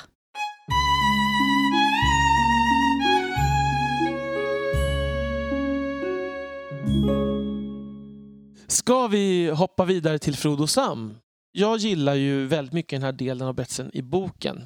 Mer än, än eh, Aragorn-storyn. Jag vet att du Adam tycker tvärtom. Alltså, jag tycker om den här delen, men för mig är det ju liksom det här lite barnsliga mannamodet som, som, slår, som smäller Mandom, högst. mod och morske Ja, men precis. Det är det Götiska förbundet på resa igen. Liksom. ja. Eh, men, Men, jag, men- jag har kompisar som med filmerna tycker att det här med Frodo Sam att det är så långsamt och tråkigt. Nej, men det jag, har jag många som säger. Liksom, att det, det här är en film där de bara går. men jag tycker att det är jättebra. Jag måste erkänna att eh, hela den bok, ja, även när man läser boken så kan jag fuska ibland för att jag tycker att den delen är lite tråkigare än övrigt. Ja, du kanske också gillar mandom, mod och morske män. ja. Nej, men jag, jag tycker ju att för mig är det ju det här... Tolkien är ju inte en psykologisk författare så, i grund och botten. Men det finns i Frodo, Sam och Gollum-triangeldramat som det faktiskt är. Där finns en väldigt intressanta psykologiska aspekter tycker jag. Hur Gollum är ju en spegling av någonting som Frodo kommer att bli om man inte gör sig Ja. av med ringen. Jag tycker det, och hur Sam är den som ser det här. Mm. Eh, och det, det här trissar ju förstås Jackson upp, men jag tycker att det funkar bra. De gör ju mer av alla de här aspekterna. Ja. Och Gollum blir ju en tydligare två personligheter hos Jackson. Ja, vilket jag ändå kan köpa för Mm. att det är svårare att skildra subtilt tror Mm. jag på film. Jag tycker att det här fungerar bra i det stora hela. Sen så finns det ju aspekter som jag har svårt för. Till exempel, jag, även om jag förstår varför så har jag väldigt svårt med hur mötet med Faramir är Mm. totalt förändrat. Mm. Och var, att de förs till Osgiliath Ja. och nästan står framför ringvålen. Alltså, Det är det fruktansvärt. där har jag extremt jag svårt med. för. Det här är också en del av den en, alltså en del av ändringen som jag tycker är sämst. Ja. Eh, vi får se sen om vi orkar göra en topp 10-lista över dåliga saker i Jacksons filmer. Men innan dess har vi faktiskt en hel del bra scener. Alltså, jag tycker att scenerna vid Döda träsken funkar, även om det är alldeles för ljust för min smak. Det är det alltid hos Jackson. Ja. Jag tycker möt, första mötet med Gollum när de fångar honom, jag tycker att det är bra. Mm. Och eh, Andy Serkis dialog med sig själv. Det var ju hans auditionscen, tror jag. Aha. och hur han spelar ut den. Liksom. Det var ju då de kom på att de hade ju tänkt göra Gollum till en helt digital varelse och bara ha en röstskådespelare. Men då har de insett att nej, men skådespeleriet sitter ju inte bara i rösten. De gjorde om Gollums utseende från film 1 till 2 för att han skulle bli mer lik Andy Serkis och kunna basera ansiktsdragen på hans eh, rollprestation. Också vetskapen av att han ju faktiskt gjorde det här i en tagning är, är eh, fantastiskt imponerande. Eh, anledningen till att de la till hela den här Faramir-utflykten var att de beslöt sig för att flytta Kilob-avsnittet till tredje filmen. För det utspelar sig egentligen i... I, I ehm, slutet av bok två. ja, Mm. men, men inte eh, tidslinjemässigt. Nej. Och det var därför vi gjorde förflyttningen och därför de var tvungna att lägga till, tyckte de, lite mer drama där. En sak vi kan ta upp här när vi ändå närmar oss slutet på en film, det är ju någonting, eh, vi tog inte upp det på förra filmen, men första filmen slutar med en fin sång av Enya, May Mm. be. Jag tycker att den passar väldigt bra som Ja. avslutning på första filmen. Eh, jag tycker den här Gollums sång som avslutar andra filmen passar väldigt bra som avslutning på andra filmen. Alltså det är något, den, något svekfullt i luften här Mm. som jag tycker man anar när Gollum för iväg dem. Så det hade inte funkat med it be-sången här. Nej. Så jag, jag, gillar, jag gillar ju faktiskt alla tre sångerna ska jag säga. Men jag, jag, det här tycker jag att de verkligen fångar stämningen i slutet av filmen. Hur ser då detta ut hos Ralph Bakshi med Frodo Sams vandring? Jag måste säga att jag tycker att det är ganska bra. Jag tycker också att det är bra. Mm. Det, jag tycker att Gollum är en av de bästa aspekterna av hela den här historien. Mm. Ja, alltså det är inte lika bra som hos Jackson, men det är också vissa saker är lite mindre överdrivna. Ja, och vissa saker... är- Ja, han hinner ju inte lika långt Nej, många förstås. saker är helt borta.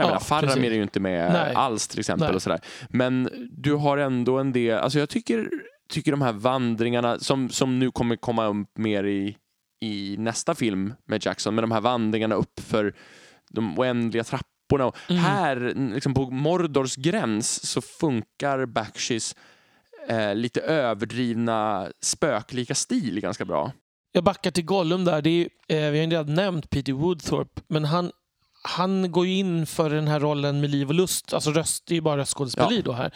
Men det, ja, det är en väldigt bra aspekt. Alltså han lyckas också växla väldigt mellan hotfull och lismande och så, tycker jag. Ja. Och, det, och det finns, han håller inte tillbaka överhuvudtaget. Alltså det är all in på alla fronter.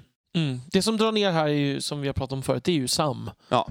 Som, som väl inte säger så dåliga saker men som ser så extremt irriterande ut. Och, men som också lite grann kanske personligen har mer av en så här eh, gnällig gammal gumma. Här slutar ju Bakshi. Bakshi slutar med eh, Frodo och Sam här på tröskeln in till Mordor och eh, Slag vid Helms Deep. Precis. Och även om den inte jag, i mina ögon kan mäta sig med Peter Jacksons filmer så hade den varit värd att få göras klart. Ralph Bakshi, säga vad man vill, men att ge sig på det här mastodontuppdraget vid den tiden, bara det är imponerande i sig skulle jag säga. Så att, att få göra klart det hade, det hade varit intressant att se. Och istället fick vi den här fantastiska Rankin Bass, Return of the King, som vi kommer att prata mer om snart.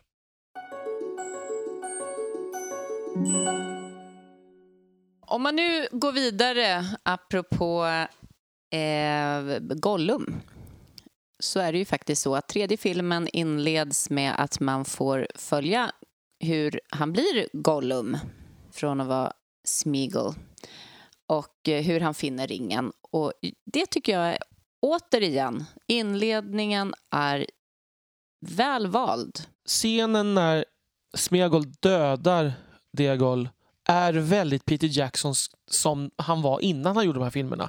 Det är någonting med hur kameran söker sig upp i träden och det är någon slags hotfull stämning och det Tycker du att det är en styrka eller känner du den här hotfullheten? För jag, jag kan ju någonstans känna att det är väldigt viktigt i den här sekvensen att man visar hur, hur man går från att allting är en fantastisk vanlig dag med bara nära vänner som är ute och hur det här obegripliga kommer och tar över och blir så viktigt att man faktiskt är beredd att döda den allra närmaste vännen. Ja, jag tycker att det är viktigt han gör det här på allvar. Det är inte alla döds... Alltså, folk dör ju, eller folk, orker och datoranimerade figurer dör ju till höger och vänster i de här filmerna. Men den här döden spelar ju roll, som du säger. Ja. Och det tycker jag han fångar. Den är obehaglig. Den är också lite obehaglig, den förlängda versionen. Återigen, den är, tar ännu lite längre tid på sig att strypa honom där. Vilket det tar, alltså, om jag förstår det hela rätt, så tar det lång tid att strypa någon. Pro, don't try this at home. eh, och, och det bidrar också till obehaglighetsstämman att det gör något som gör att det känns som att det händer på riktigt. Det går inte över på liksom en tre sekunder. Det är enda delen, tror jag, i de här filmerna där jag faktiskt... Jag tycker inte om obehagliga filmer eh, generellt och jag tittar aldrig på, på skräck eller något sånt. Just, just den här strypscenen är gränsfall att jag vill se. Mm. Och Jag det förstår är just att det berör någonting mer än eh, de här eh, knivar och hugg på orker och diverse. det känns som något basalt på något sätt. Eller vad ska man säga? Något Primalt. Ur. Ja, primalt. Tack Adam. Känns som något primalt. Eh, de är ju inte bröder, men man får någon slags brodersmordkänsla. Kain och Abel, någonting. Alltså Mm. det, det är någonting där och han anknyter till, som, och det finns ju i boken och han lyfter verkligen fram det. Framförallt som tittare, om man inte vet vem Andy Serkis är, hur han ser ut egentligen, så vet man ju som tittare inte vilka de här figurerna är riktigt i början. Förutom vi som har läst boken Ja. och vi kan ju känna igen historien på en gång. Men för en annan tittare, så här, menar, så här, vad är det här? Vilka är de här som sitter och fiskar och har det bra? Mm. Så övergår det så plötsligt i ond död. Mm. Jag tycker också att om man ska gå upp lite på en metanivå mellan filmerna. Så jag minns att det var väldigt många som sa efter The Two Towers att Gollum är så söt. Gollum är så söt, det är så synd om honom. Mm. Det här är också, fungerar också på någon, på någon metanivå för att påminna tittaren om Gollums mörker så att det inte blir en alltför tvär vändning när det här börjar poppa fram. Mm. Ja, och att det även precis framkommer hur, hur faktiskt farlig han är. Han Mm. har det här mörkret eh, och han är gränslös när det handlar om ringen. Även i den här boken kan man säga så finns det ju två huvudtrådar. En tråd i västern där kriget avhandlas med lite undertrådar kan man säga som löper samman och en tråd i Mordor där Frodo och Sam strävar mot Domberget. Och eh, man kan väl säga att i boken så är första halvan av boken helt och hållet ringens krig eh, cirkulerande kring Minas Tirith och den andra delen har de första tre kapitlen utspelas i Mordor och sen så är ju ringen förstörd och det, vi har ett väldigt långt efterspel med ganska många kapitel. Om vi börjar återigen med den västliga tråden, alltså Aragorns tråd. Här, här ska vi också börja med att Saruman har ingen dödsscen överhuvudtaget. Man fattar inte vad som händer med Saruman i bioversionerna av, eh, av filmerna, av Jacksons filmer. Medan han har en väldigt snabbt ihopsnickrad, bättre än ingenting men ändå ganska tafflig dödsscen i de förlängda versionerna. Och det måste ju vara väldigt förvirrande om man inte vet vad som händer för han har ju varit Mr Bad Guy i två filmer och bara försvinner ur handlingen om man bara tittar på biofilmerna. Efter Sarumans död så tittar Pippin in i Palantiren vilket får Gandalf att föra honom med sig bort från den och det för Gandalf och Pippin till Minas Tirith. Ian McKellen och Billy Boyd får faktiskt lite samma personkemi som Ian McKellen hade med eh, Elijah Wood i första filmen.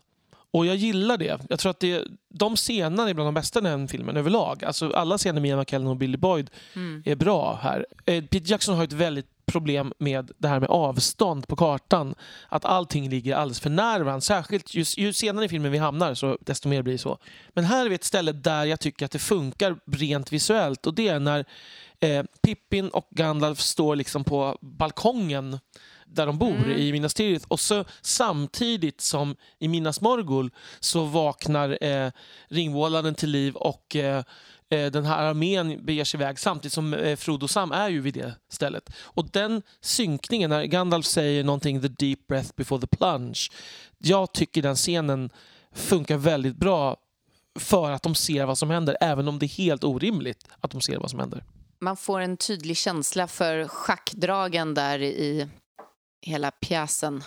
Om vi går tillbaka till Mary och Pippin så har jag ytterligare en sån där, precis som du säger så har de, deras kemi är fantastisk.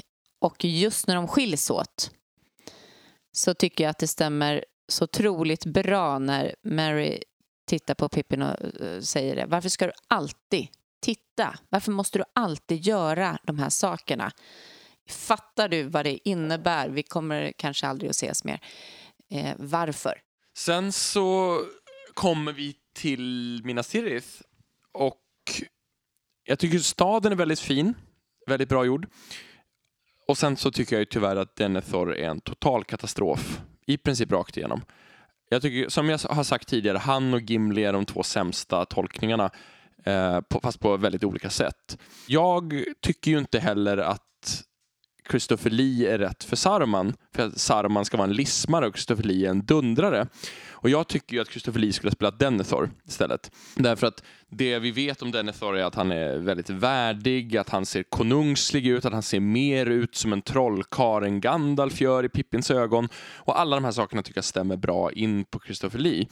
Och värdighet skulle han verkligen, konungslig värdighet men liksom mörker inombords. Det tror jag han verkligen skulle ha skildrat bra. Mm. Uh, och, men framförallt så är det ju manusets fel. Det är ju det att Denethors psykologiska djup försvinner och han reduceras till en dreglande galning som skriker och beter sig Äter allmänt irrationellt. cocktailtomater. Vad sa du? Och äter cocktailtomater. Precis, och, och spiller på sig. Ja. Och just när han äter det och spiller på sig, jag vet faktiskt, eh, men det är en oerhört obehaglig känsla för honom. Mm. Extremt obehaglig känsla. Och det är synd, alltså här kan vi också ha olika åsikter. Jag tror att eh, militärhistorikern ibland oss inte gillar eh, Faramirs ritt in mot, eh, ner mot Osgiliath.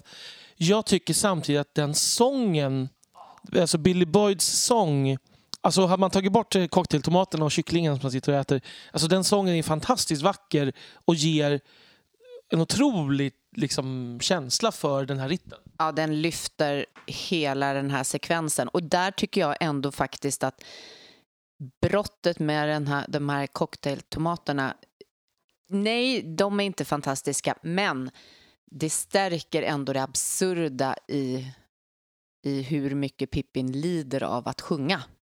Ja, jag tycker ju att det här är veka ursäkter för en förskräcklig scen.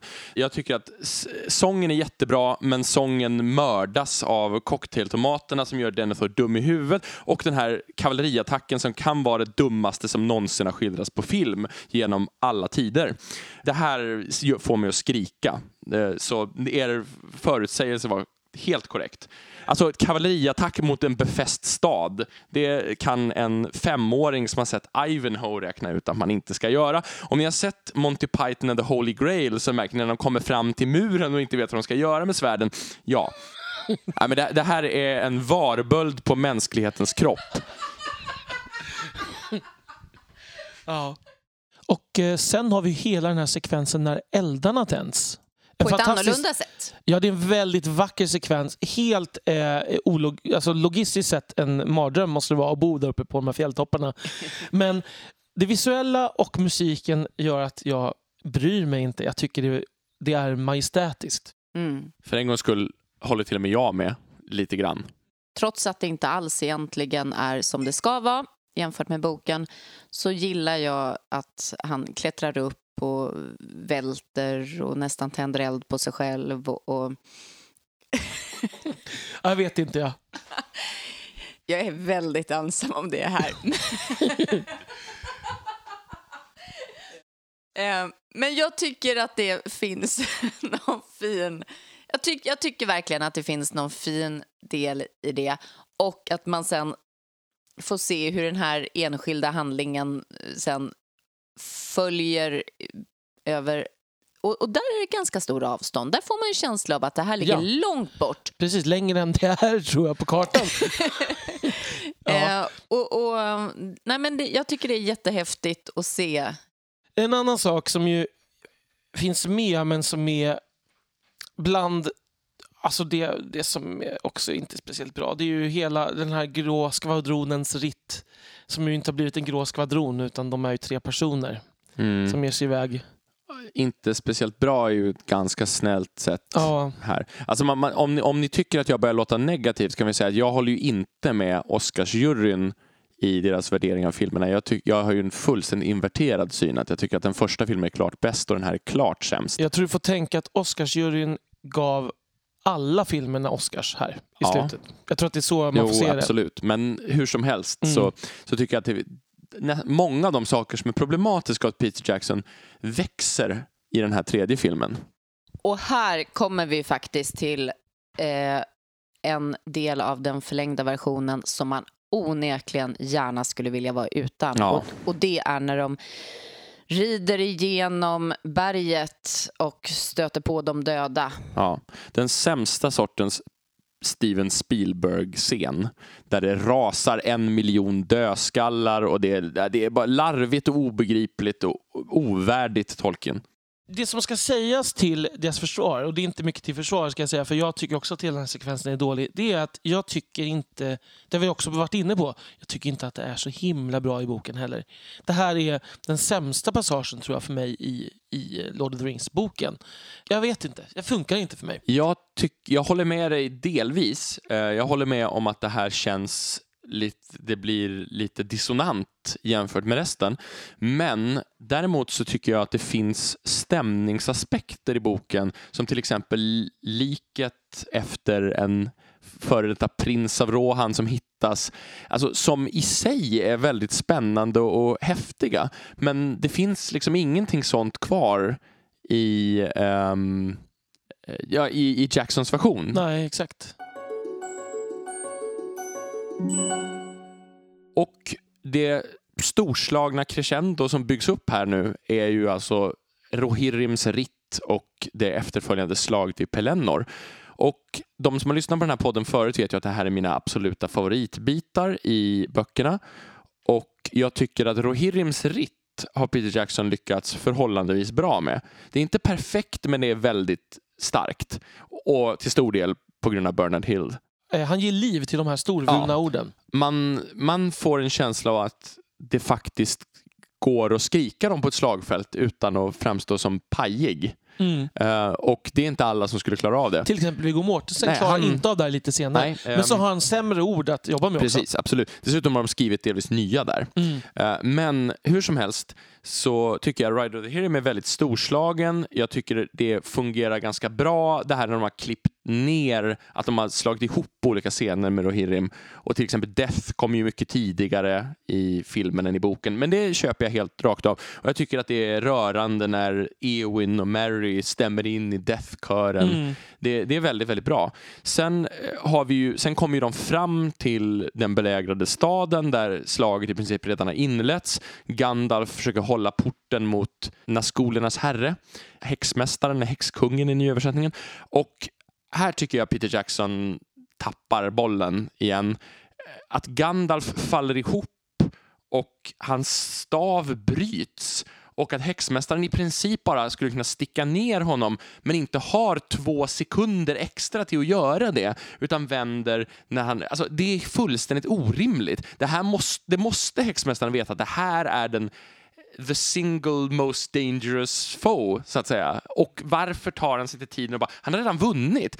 Ja, och dessutom så gör det Gandalf svagare och töntigare och mesigare än vad han är i boken där han är extremt mäktig när han ensam står kvar i portvalvet. Och då är det ju ändå även i boken inte en given utgång till Gandalfs fördel. Men däremot så är det inte heller en given utgång åt det andra hållet. Om jag backar lite här, jag tycker också den här eh, en, en grej som funkar bra, det är att de har kvar den här scenen när de kastar de här huvudena över murarna. Absolut. Eh, Det, är- det är obehagligt det är när de ser sina vänners huvuden komma Mm. farande. De här huvudena känns ju också eh, realistiska i att, att det kan ha varit någonting som faktiskt man gjorde i verkligheten. Ja, det finns det flera belägg på. Men jag tycker även att delar av uppbyggnaden med Grond, i, som bara finns i den förlängda versionen om jag minns rätt, återigen fungerar ganska bra. Det är en skrämmande armé som förs fram. Sen tycker jag tyvärr, alltså när Rohirrim stormar fram, där tappar den här scenen det mesta. första anloppet är okej. Förutom att orkerna tror att man, om man skjuter 50 pilar så stoppar man 6000 ryttare och blir förvånad när det inte sker.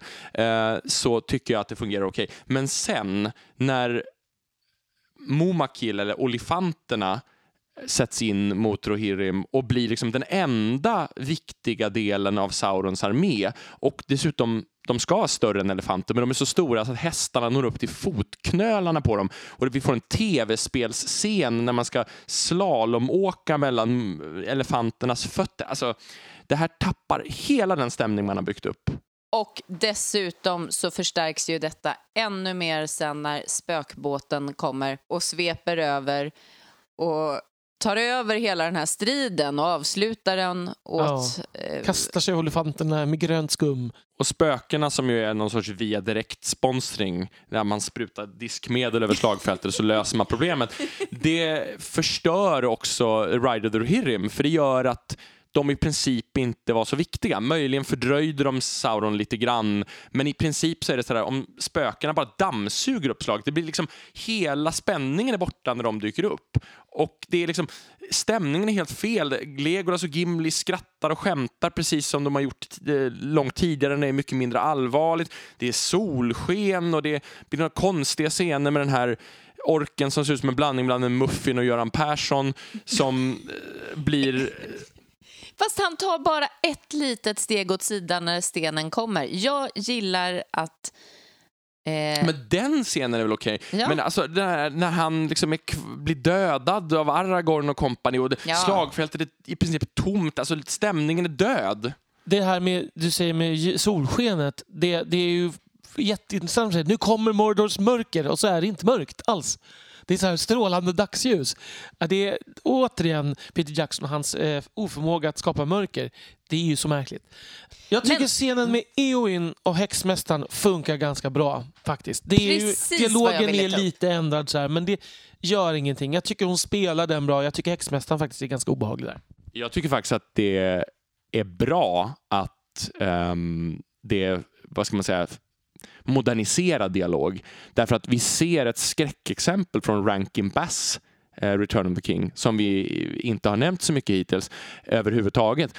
Där originaldialogen är kvar men i den barnsliga stämning vi ser så blir det total pannkaka av den scenen när hon börjar prata om foul dwimmer-like. Det blir fullständigt obegripligt och ohanterligt det är, det är ett bra beslut att det inte hänger kvar. Jag tycker också att det är en väldigt stark scen och förstärks ytterligare senare när Eomer hittar sin syster. Ja, det är så gripande. Och man ser hans fullständiga förtvivlan. Det är det som är så märkligt. Peter Jackson funkar ju bäst i de här det man inte tror, där det är liksom känslosamt, tycker jag han ofta funkar bäst. Ja, nej men han, han faller i de andra scenerna alldeles för ofta för det här liksom nu ska vi Hollywooda sönder det här. Och känsloscenerna så gör han inte det lika mycket. Sen så, om vi ska nämna Rankin Bass igen här, så kan man väl säga helt enkelt att problemet med hela den här sekvensen i Rankin Bass-filmen är att den är väldigt lösryckt eftersom det inte har, det är inte fortsättning på någonting. Så att om man inte har läst böckerna förstår man ingenting av vad som händer. Nej. Och vilka personer som är med och varför och det är också väldigt intressant att häxkungen ser ut som han är en skurk ur He-Man ungefär. Mm. Och dessutom låter, han har en robotröst, som någon sorts barn science fiction. Uh, det, det är otroligt dåligt. Och mitt i allt det här så har vi ju när Denethor försöker bränna sin son levande, vilket han ju försöker göra även i boken, och sen tänder eld på sig själv istället och springer eh, jag vet inte, någon kilometer känns det nästan som att det är. Brinnande och kastar sig ut för den här klippavsatsen. Där, och där saknar man ju faktiskt, tycker jag, en person som har en viktig roll att försvara sin eh, ledare. Ja, det du refererar till är alltså Beregonds roll Precis, i böckerna. Precis, men som faktiskt av kärlek till Faramir överger eh, sin, sitt uppdrag mm. och eh, gör allt han kan för att rädda honom. Jag tycker ju att man hade kunnat klippa ner en halvtimme stridsscener ur Return of the King och plockat med både Bergond och Bergil och gjort filmen otroligt mycket bättre. Men sen tar vi oss så småningom till Svarta portarna. De ska göra en a diversion, som Ja, Legolas säger. Som ligger genialt utbrister när alla andra redan har fattat Ja. detta. Han är ju ändå lite trög. Ja, det måste Eh, man säga. Och de kommer fram, Svarta portarna. Här, det går ju ganska, I bioversionen går det undan. De öppnas och eh, armén väller ut. Men i den förlängda versionen har vi faktiskt Saurons Mun. språkrör, som han heter. Saurons mun i Ja. nyöversättningen. Jag gillar faktiskt hur de gestaltar Saurons mun här. Det jag inte gillar är... Alltså det här är nästan det värsta, en av de värsta grejerna för mig.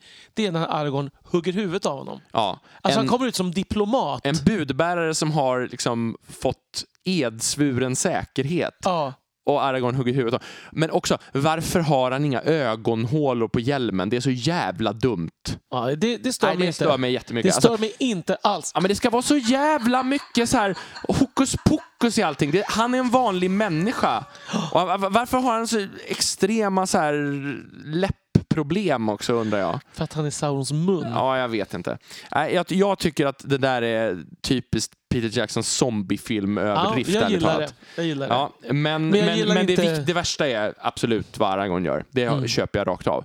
Eh, en skillnad som man bara kan ta upp jättekort är att Sauron framstår som mycket mer bara den onda herren som, som är liksom mörkret personifierat i filmen vad han gör i boken. För i boken så lägger Sauron fram genom munnen då en ganska avancerad plan för en demilitariserad zon och Sauron får en mycket mer på något sätt mänsklig politisk nivå här i Mm. boken, vilket han inte får i filmen. Man får ju i boken lite mer en förståelse varför han kan locka till sig någon person som inte är en ork. Det är ju på något sätt en bild av hela problemet med Sauron i filmatiseringen. Att Sauron bara är ett stort öga. Vi vet ju dessutom från böckerna att Sauron har en kropp. Ja, Det finns flera textbelägg på det. precis. Så ögat är en symbol och kanske någon typ av verk, magiskt verktyg. Det är inte Saurons kropp. Nej, alltså det, jag har sett det som en eh, som du säger, symbol, en metafor till och med. Ja. Saurons öga ser allt. Ja. Och det ska man tolka mer metafysiskt. Precis. Inte alls som Nej, eh, Saurons är- öga sitter uppspänt. Ja, som, Det är typiskt Peter Jackson, så här dumbing down av allting. Hur som helst så fienden strömmar ut och Viggo Mortensen lyckas inte leverera sitt tal. Ehm, och sen så bryts ju den här scenen av att örnarna kommer. Och då har ju den andra delen av handlingen nått sin fullbordan kan man säga. Så vi hoppar över till Frodo och Sam. Ja, de har ju traskat på här i hela filmen. Mm. Det är ju så att det är ju ganska mycket borttaget i bi- bioversionen. Eh, Det finns en hel del scener i den förlängda som jag gillar. Till exempel när Sam måste offra sina kastruller när de vandrar. Eh, Sam ser den här stjärnan på himlen som vi har nämnt vid något tillfälle tidigare. Och ja, även om det inte är klockrent genomfört så hela den här när de blir tvungna att marschera med orkarmén. I bioversionen av filmen så förstår man ju inte hur långt det här avståndet är återigen. Men med, i den förlängda versionen så, är det ju, så förstår man att det här är en lång period, en lång tid som de är ute och traskar. Och här lyckas ju faktiskt Frodo i Jacksons filmatisering se sådär tillräckligt sliten ut på rätt ställe. Precis, det känns mer befogat plötsligt. Det finns en del som jag verkligen tycker om i Peter Jacksons film som också finns med i boken och det är just det här när Sam säger jag kan inte bära ringen åt dig men jag kan bära dig. Och det tycker jag är jätteviktigt att det finns med. Alltså, här ser vi ju hur liksom, den mer positiva skildringen av Sam fungerar bra eh, och gör honom mer till den hjälte han är i boken.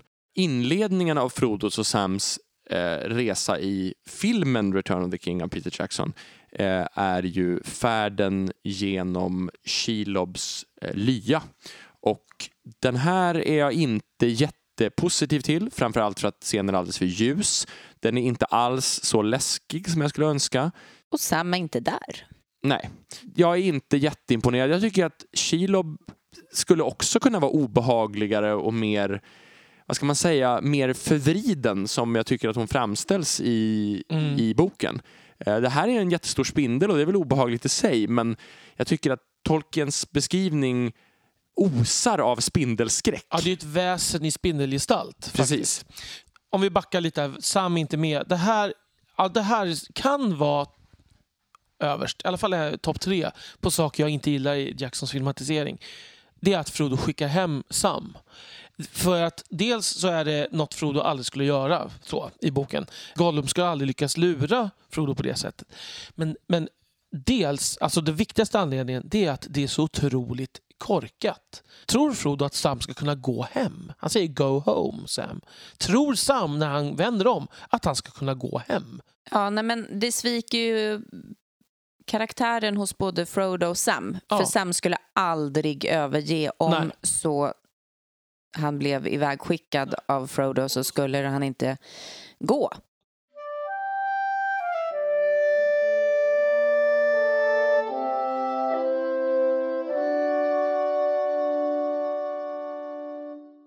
Och då kommer vi till berättelsens stora klimax. Försök till att förstöra ringen när de väl har kommit fram till Mount Doom. Och det är ju väldigt storslaget och pampigt hos Peter Jackson. Uh, och det tycker jag att det ska vara. Det fungerar bra här. Och som, som vi nämnde förut att uh, Sean Astin får bära uh, Elijah Wood upp för berget. Han, han gör det med den äran. Jag tycker att scenerna inne i vulkanen fungerar okej. Jag har inte direkt någonting att klaga på förutom att det inte är the cracks of doom utan att det är en öppen vulkan vilket jag inte vill se det som. Men jag ser, ser jag har något att klaga på. Jag säger så här, jag tycker filmen funkar ur filmens universum. Det som inte funkar, det är att Frodo i princip dödar Gollum i filmen. Det vänder hela handlingen från första liksom, mötet mellan Gandalf och Frodo på ända. När det handlar om att om man visar medlidande och barmhärtighet så kommer det vända och bli bra, lite förenklat. Man blir belönad av försynen eller ödet eller Gud kan man säga. Och det är ju en extremt viktig sak som Tolkien argumenterar för i brev efter att böckerna är klara. Så att det här tycker jag att du har helt rätt i att de stampar på någonting som är centralt. Och anledningen till att jag köper det i filmen det är ju att jag tycker att det finns scener där Frodo har visat Gollum barmhärtighet många gånger tills dess och man kan se det som att det fortfarande är en del av Frodos vansinne där som spelar in. Men om ur ett bokperspektiv så tycker jag inte alls jag tycker att det är, det är en av de här sakerna som där man liksom vänder på temat till raka motsatsen. Det är ungefär samma problem fast ännu värre egentligen än det när Aragorn hugger huvudet av eh, Saurons mun. Ja, men det är alltid svårt när de går emot den karaktär de egentligen ska vara och, och de värderingar som de ska stå för. Mm. Eh, om vi sen går vidare till att de flyr och tar sig ut och har det här lilla momentet när de känner sig nöjda. På, I lavan där. Ja, Och Sam tänker på jordgubbar. ja nej men jag tycker ändå om att man får den här känslan, att det uttalas kanske till och med att om det tar slut här då, då känns det helt okej.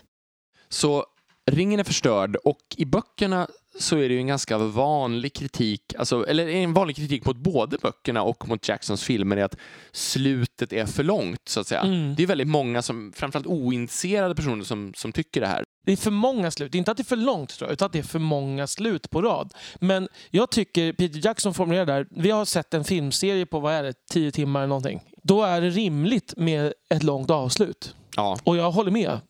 Jag tycker också att det är... mm, Alltså man behöver de här scenerna. Jag hade inte velat haft en... Hade man följt mallen så hade ringen förstörts och så har man fått se kanske en liten snutt av bröllopet och sen jättekort sekvens av Hobbiten i Fylke och sen var det slut. Tror Ja, jag.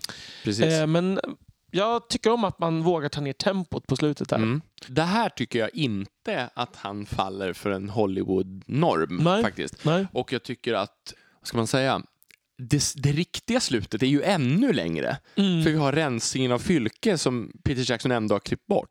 Jag begär verkligen inte att den här scenen skulle vara med i filmen. Det hade blivit för långt tror Ja. jag. Men det är synd för att återigen så vänder man ju tematiken till dess raka motsats. Så att, eh, det han vill visa Tolkien är att i krig så kan man inte räkna med att ens hem förblir oförändrat utan saker förändras. Och ondskan behöver inte vara liksom på slagfältet utan det kan vara det man gör i en god saks namn hemma vid. Och det är det här som du har nämnt någon tidigare gång med den stora och den lilla ondskan. Ja. Här har den lilla ondskan blivit den stora ondskan gradvis, Ja. kan man säga. Och det är ju en byråkratisk ondska nästan. Precis. Det är nästan Kafkaesk Ja, nivå på något plan. Det här är ju ett, ett, en del av böckerna där Tolkien är en ganska modern författare. Det är väldigt annorlunda mot, mot de här, vad ska man säga, anglosaxiska partierna. Om vi backar lite då. Det, är ju, det som först som händer efter att ringen är förstörd är att eh, brödraskapet återförenas i Ja. Frodos sovrum. Ja, precis. Det, den här scenen är ju, den är ju söt men den är lite töntig. Ja, Ehm, absolut. Det finns ju en del såna här ganska roliga memes på när man helt enkelt bara ändrar premissen för vad som har hänt. Ja. Och, ja, mm. och det blir, Och det blir ganska roligt. Ja. Eh, och vi behöver inte förklara Nej, närmare. vi går inte närmare in på det. Eh, Sen har vi ju eh, Aragorns och Arwens bröllop.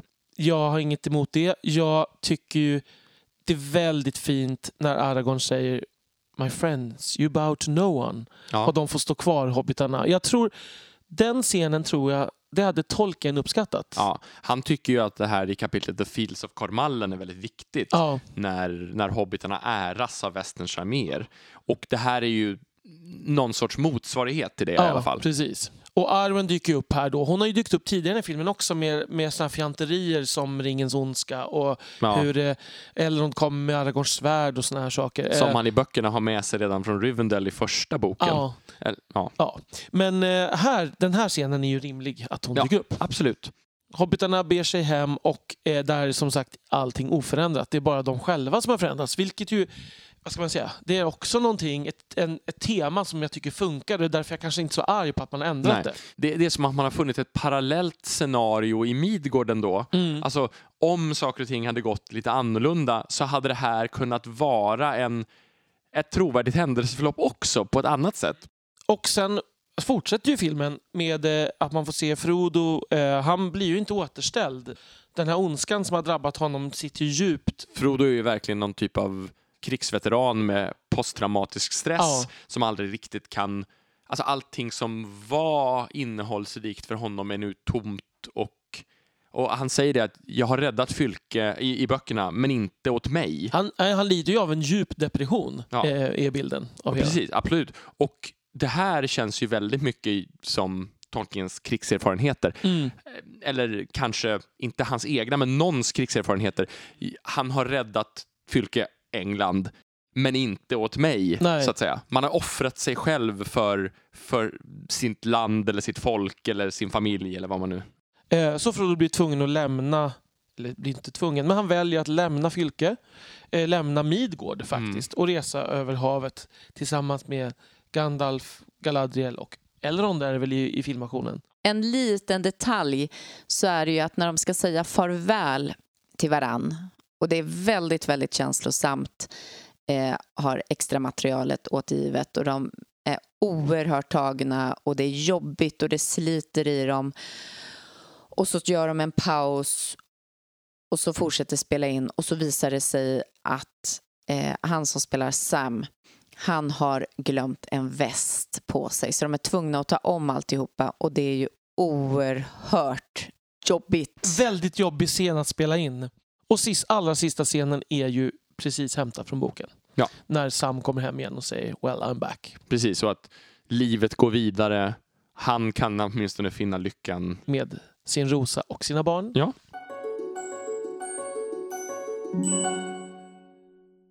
Vi har ju nu pratat om de här filmerna främst utifrån en handling och manus. Eh, Men film består ju av så mycket mer än så. Så om vi börjar med något som vi redan har nämnt. Nya Zeeland. Jag tycker att det här är några av filmens största styrkor. På vissa ställen så blir man helt, man blir helt tagen av vyerna Mm. och hur det kombineras med musiken och, och så. Och som vi har nämnt några gånger tidigare i olika diskussioner så är det så att på alla punkter så ser inte Nya Zeeland tillräckligt europeiskt ut Nej. för, för min bild av Midgård som, som ju är otroligt mycket liksom det för historiska Europa på något sätt. Men jag tycker ändå att i det stora hela så fungerar det bra. Det som jag tycker är så imponerande är ju att den här filmen är gjord på många sätt på ett väldigt gammaldags sätt samtidigt som den är förstås väldigt teknologisk och sådär. Det är ju att man i många lägen där man inte hade behövt valde att bygga modeller.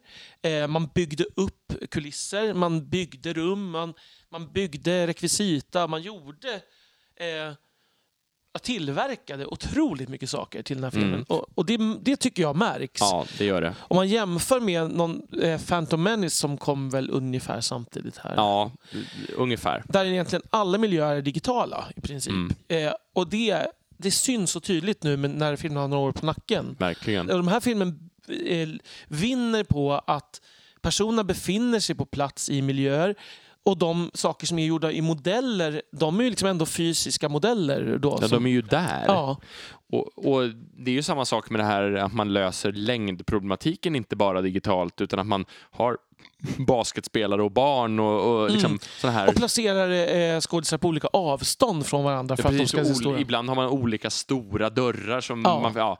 Och, så, och allt det här ger någon sorts autenticitet, eller skulle man kunna säga plasticitet Ja. på något sätt som helt också saknas till exempel i Hobbit-filmerna. Det är någonting som gör att Midgård känns på låtsas i Hobbit-filmerna och på riktigt Ja. i Lord of the Rings. Det känns lived in om man ska säga. Precis. Alltså det, ja. Även när manuset eh, går, går vill, så att säga, så, Mm. så i bakgrunden finns alltid en, någon som har tänkt på att ja, men jag bygger en liten ruin här, till exempel, som inte alls behövdes för handlingen. Eller jag tillverkar en skål och en sked som de säkert skulle ha haft. Alltså det, det är så mycket små detaljer. Om, tittar man, det- är mycket som är helt onödigt. För ofta är det så här, fodret på den här jackan är Ja. så genomtänkt. Och det finns någon kärlek till hantverket som jag Mm. gillar. Och jag tror på något sätt att det skiner igenom på alla plan, även när, som du säger, med fodret i jackan inte kommer att märkas. För jag tror att det också ger skådespelarna bättre inlevelse. Och, alltså jag, jag tror att det, det lönar sig på sätt som man inte anar att det ska göra. Jag rekommenderar verkligen alla som, även om man inte gillar filmerna, kan man se extra materialet till eh, filmerna till, på DVD eller Blu-ray. För att det får fem eh, av fem möjliga, det extra materialet. För att det är verkligen, man ser hela processen från början till slut i princip. Det finns ju en hel del digitala effekter naturligtvis. Ja. Och för sin tid var de ju väldigt, väldigt bra. Eh, Många av dem håller ju fortfarande skulle jag säga. Ja, det tycker jag också. Sen så är det många som säger att man ser att de har åldrats och så, men jag tycker lite grann att CGI har gått åt fel håll sen dess. Jag vet, jag vet inte riktigt. Jag är inte alls tillräckligt tekniskt kunnig för att sätta fingret på vad det är, men jag tycker att det känns inte som att det har blivit mer verkligt. det är klart, man kan se här och där säkert alltså liksom att saker är in, inklippta och sådana saker. Men det finns å andra sidan, jag tycker Gollum fortfarande är en digital skapelse som verkligen funkar. Och sen har vi filmmusiken. Här ligger filmerna väldigt nära en femma för mig. Jag tycker att Howard Shore har gjort ett fantastiskt jobb. Mm. Det är flera teman som jag tycker... Alltså många, han, han väljer väldigt, väldigt klokt och finner rätt stämning nästan hela tiden. Han använder ju en gammal och beprövad metod med det här med ledmotiv. Alltså Lite att man, Wagnerskt va? Precis, och det, det, det är att man kopplar ett melodifragment till ett person, eller ett föremål, eller en företeelse eller en plats till exempel. Eller så. Och Det är lite intressant att eh, Richard Wagner upp, uppfann det här ju, i sin opera, bland annat Nibelungens ring, ju då som har, det finns vissa kopplingar. Ja, även om Tolkien förnekade dem det, är stenhårt. det är enda likheten var att de var runda. Precis, men, det tror det- vi inte på. Nej. Eh, så Howard Shore använder ju det, men, han gör, men musiken är inte nödvändigtvis särskilt Wagnersk. Eller John Williams, som är ju en annan kompositör som jobbar med det där. Utan det är något lite mer primitivt i det som jag gillar. Det är något intressant att jag tycker att han har tagit ganska oväntade vägar ibland och valt utomeuropeiska instrument och, och ganska nyskapande melodier och rytmer Mm. som det är inte den lätta vägen att gå. Det Nej. hade varit så enkelt att ta någon sorts keltisk-nordiskt rakt igenom och ingen hade kommit ihåg det. Nej, precis. För att, vi kan ta några exempel på saker som jag tycker är lite smart. Det är till exempel att Gollums eh, tema det spelas på ett eh, hackbräde, alltså ett instrument med strängar som man slår på med klubbor. Vilket ju får en så här skälvande ton som ger, ger en slags så osäker prägel. Eh, en annan smart sak jag gillar det är att musiken i Fangorn spelas bara på instrument gjorda av trä. Ja, det, Eh. det, det är väldigt charmigt. Ja, det tänker man kanske inte på, men det är ju ändå ger ju en prägel åt musiken. Eh, han använder manskörer väldigt mycket i Morias gruvor till exempel. Eh, eh, han vågar, alltså han använder ju ofta solister som får gestalta, alltså i Lothlorien till exempel finns det en kvinnlig solist som sjunger. Eh, vi har även gossopran som sjunger, som får symbolisera oskuld till exempel. Jag tycker ju filmmusiken av eh, Leonard Rosenman i ehm, eh, Bakshis film också är bra faktiskt. Eh, jag har alltid gillat ledmotivet där. Det är någonting... Ba, ba, ba, dam, bam, ba, dam, bam, bam. Precis, det är varje gång hobbitarna dyker upp i Ja. alla fall. Eller gör någonting hobbitskt. Ja, han jobbar i övrigt mindre med ledmotiv. Mm. På det, alltså han kopplar inte ledmotiven riktigt lika mycket. Det är ju teman som Ja, återkommer. Så. Men, men jag, jag, vet, jag tycker att det är bra filmmusik. Ja.